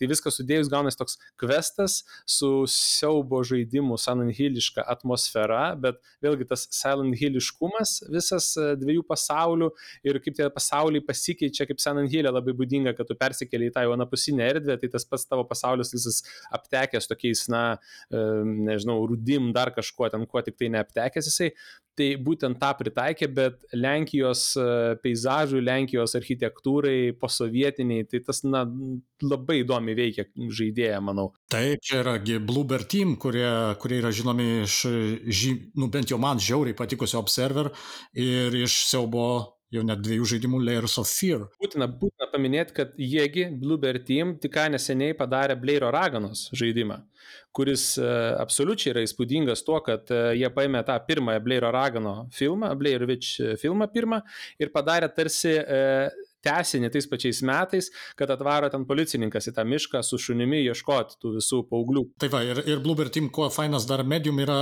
nes čia, va, ką aš visą laiką tą duodu pavyzdį, kad Vičeris, pavyzdžiui, paėmė ir iškėlė Sapkovskį į plačiosius vandenis, o medium e, pakelia Lenkų žinoma labai e, tapytojas Zislavą Beksinski, kurio stilius tapimo vadinamas fantastiniu realizmu, o šiaip realiai jisai primena kažką tokio kaip dalys sumaišytas su HR Gigeriu nu, to, kuris Alieną sukūrė. Tai, prasme, toks, nu, toks daug mirties, tokių kaulų vaizdinių ir iš tikrųjų verta jo pasidomėti, nes ir pats žmogus, jo gyvenimas labai keistas buvo, jis yra geras filmas, kuris vadinasi Paskutinė šeima, Lenkų filmas, kuriame yra parodyta, kaip jis gyveno ir jisai, nu, žiauriai keistas. O tai žaidimą kaip naudojama jo kūryba? E, vizualika. Tarsi yra iš tikrųjų perimta iš jo paveikslų, tas e, estetinės išvaizdas. Mm. Nu jo, čia šiaip labai smagu, kad e, Lenkų komanda iš Krokuvos, viena tokių rimtesnių Lenkų studijų, dar toks naujas šuolis į, į, į visiškai nu, mhm. pasaulinę, mm. pasaulinę areną. Ir irgi fainai, kad už, jie labai daug naudojasi tom, sakome, europiniam paskatom ir programom, kas ir Lietuvoje, vad kelios studijos naudojasi, tai čia toksai, nu, kaip sako, kada mes vičerį sukursim, tai negrai turbūt, bet vat, kažką tokio, kaip, na, gal su mažesnė apimtim, tai yra įmanoma ir, mm. ir ES remia, būtent ten aš pasižiūrėjau, yra projekto prašymai, tai specifiškai ten siaubo žanro, tipo globaliam, žinai, tobulinimui taip, taip, taip. Ir, ir duoda pinigų, tai kažkas, sakau, kažkas šito ES struktūrose, tose, kur dalina pinigus, matyti siaubakus labai mėgsta, kad jiems vis duoda ir duoda. Čia Lenkai, aš bijau, kad jie turbūt turi tos svertus, nes iš tikrųjų Bluebird teamėje pripažino, jie sako, na taip, mes gavom grantų į tos 12 milijonų, galim e, įskaičiuoti, kad, žinai, jau grantai tarsi irgi atpirko dalį tų išlaidų, bet, nu, bet jie sakė kažkaip, kad tai buvo skirta daugiau RD kažkokiems algoritmams išdirbinėti. Na nu, tai būtent tam turbūt split screenui, nes mm. nebuvo turbūt lengva tą padaryti, kad tik, tik tai dabar pavyko. Taip. Nu, žodžiu, labai ypatingas čia žaidimas ir įvykis didelis. Aišku, ten įvertinimų, man atrodo, pas jį visokių jau yra, kiek aš spėjau. Apie 70, išgirst. kažkur metakritikas, atseit virš 70 čiūčiut pakilęs yra. Nu, splitinasi, splitinasi žmonės, bet... Aš skaičiau, aš skaičiau, kodėl aš tikrai pasidomėjau, kadangi toks norėčiau būti šito žaidimo ambasadorius Lietuvoje per rekomendacijas. Tai GameSpotas, pavyzdžiui, ir IGN davė devynetus, tai manau, kad parodo ten tokie labai, labai populiarūs e, tarp lietuvių, labai mėgsta pasižiūrėti šitų portalų. O skaičiau būtinai ir tų, kurie davė mažiau, šešetus ir dar mažiau. Na ir labai keisti tie pastebėjimai, ten atseit, kad aplinkos ten balangios, ten, žodžiu, visi, visi tie dalykai, kurie mums, pavyzdžiui, lietuviam, na čia nenoriu čia mūsų absoliutinti, bet labai tikrai turėtų tampyti tam tikras stygas, visokie sovietiniai palikimai, tie patys padukai ten, iš kurių gerdavo arbatas, dar kai mažas buvau, atsimenu, tai visą tai, na, tikrai veikia ir padidina įspūdį žaidimo. O manau, užsieniečiam labai tolimiem žmonėm, australas, atsimenu, va, vienas, vienas australas apžvelginėjo, tai jam, jam visiškai atrodo nesąmonė, tol, net ne, ne tik, kad netolima, nerealistiška. Tai mane tas labai prajuokino, mums tai čia labai realistiška, netgi gal pernelyg ir, ir, ir labai na, paveikia. O šiaip kiti užsieniečiai ir labai teigiamai atsiliepia, nes pavyzdžiui, pagrindinė aktorė, nors, na, e, nėra lenkiško įgarsinimo, po to vat, irgi su Andrium padiskutavom, kad dabar irgi laikausi jo nuomonės, kad būtų labai faina šitą žaidimą sužaisti lenkiškai, su lenkišku įgarsinimu, bet e, dabartinis angliškas įgarsinimas irgi labai stiprus.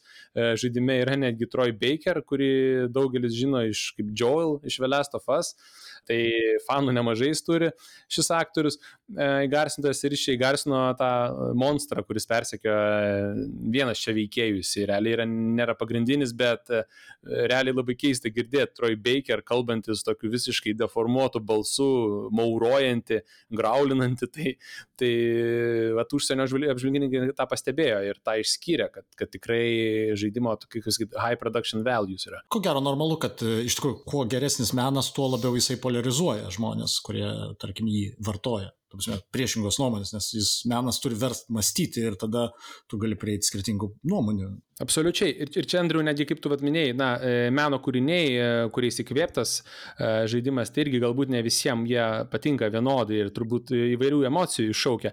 Na ir dar vienas dalykas, dėl ko galbūt apžvalgų įvertinimai skiriasi, ką aš galvoju, tai E, turbūt dėl to, kad na, vis dėlto nemažai kas tikėjosi, kad čia bus naujas, šio, e, visiškai šio laikinis, naujos kartos siaubo žaidimas, visiškai performuojantis ten tas tradicijas ir panašiai, ir vos ne kaip šio laikinis Silent Hillas, bet na, dėja, e, jis toks nėra ir jo nebuvo toks tikslas, kaip pažaidži, suprantai, tai yra vis dėlto nu, tikrai kvestas, mes negalim jo kitaip vadinti. Tai visų pirma yra kvestas, tai nuo kvestų, kaip žinia, yra atpratę ypač šio laikiniai žaidėjai, e, aš nemanau, ar čia daug yra tokių statistinių žaidėjų, jaunų ypač, kurie žaidė ten Full Throttle arba The Longest Journey arba panašių, tai, e, tai va, įdomu, įdomu, vat, kiek tas paveikia apžvalgininkus užsienio. Ne, man pirma mintis pasileidus buvo irgi pirmas kadras, o, The Longest Journey, nes ir kameros kampas, ir herojai, ir viskas. Nu, bet jo, čia toks labiau klasikinio formato. Tai dėkui tuomet uh, už uh, pasidalinimą įspūdžiais iš, iš Xbox'o, iš Game Pass'o, iš žaidimų.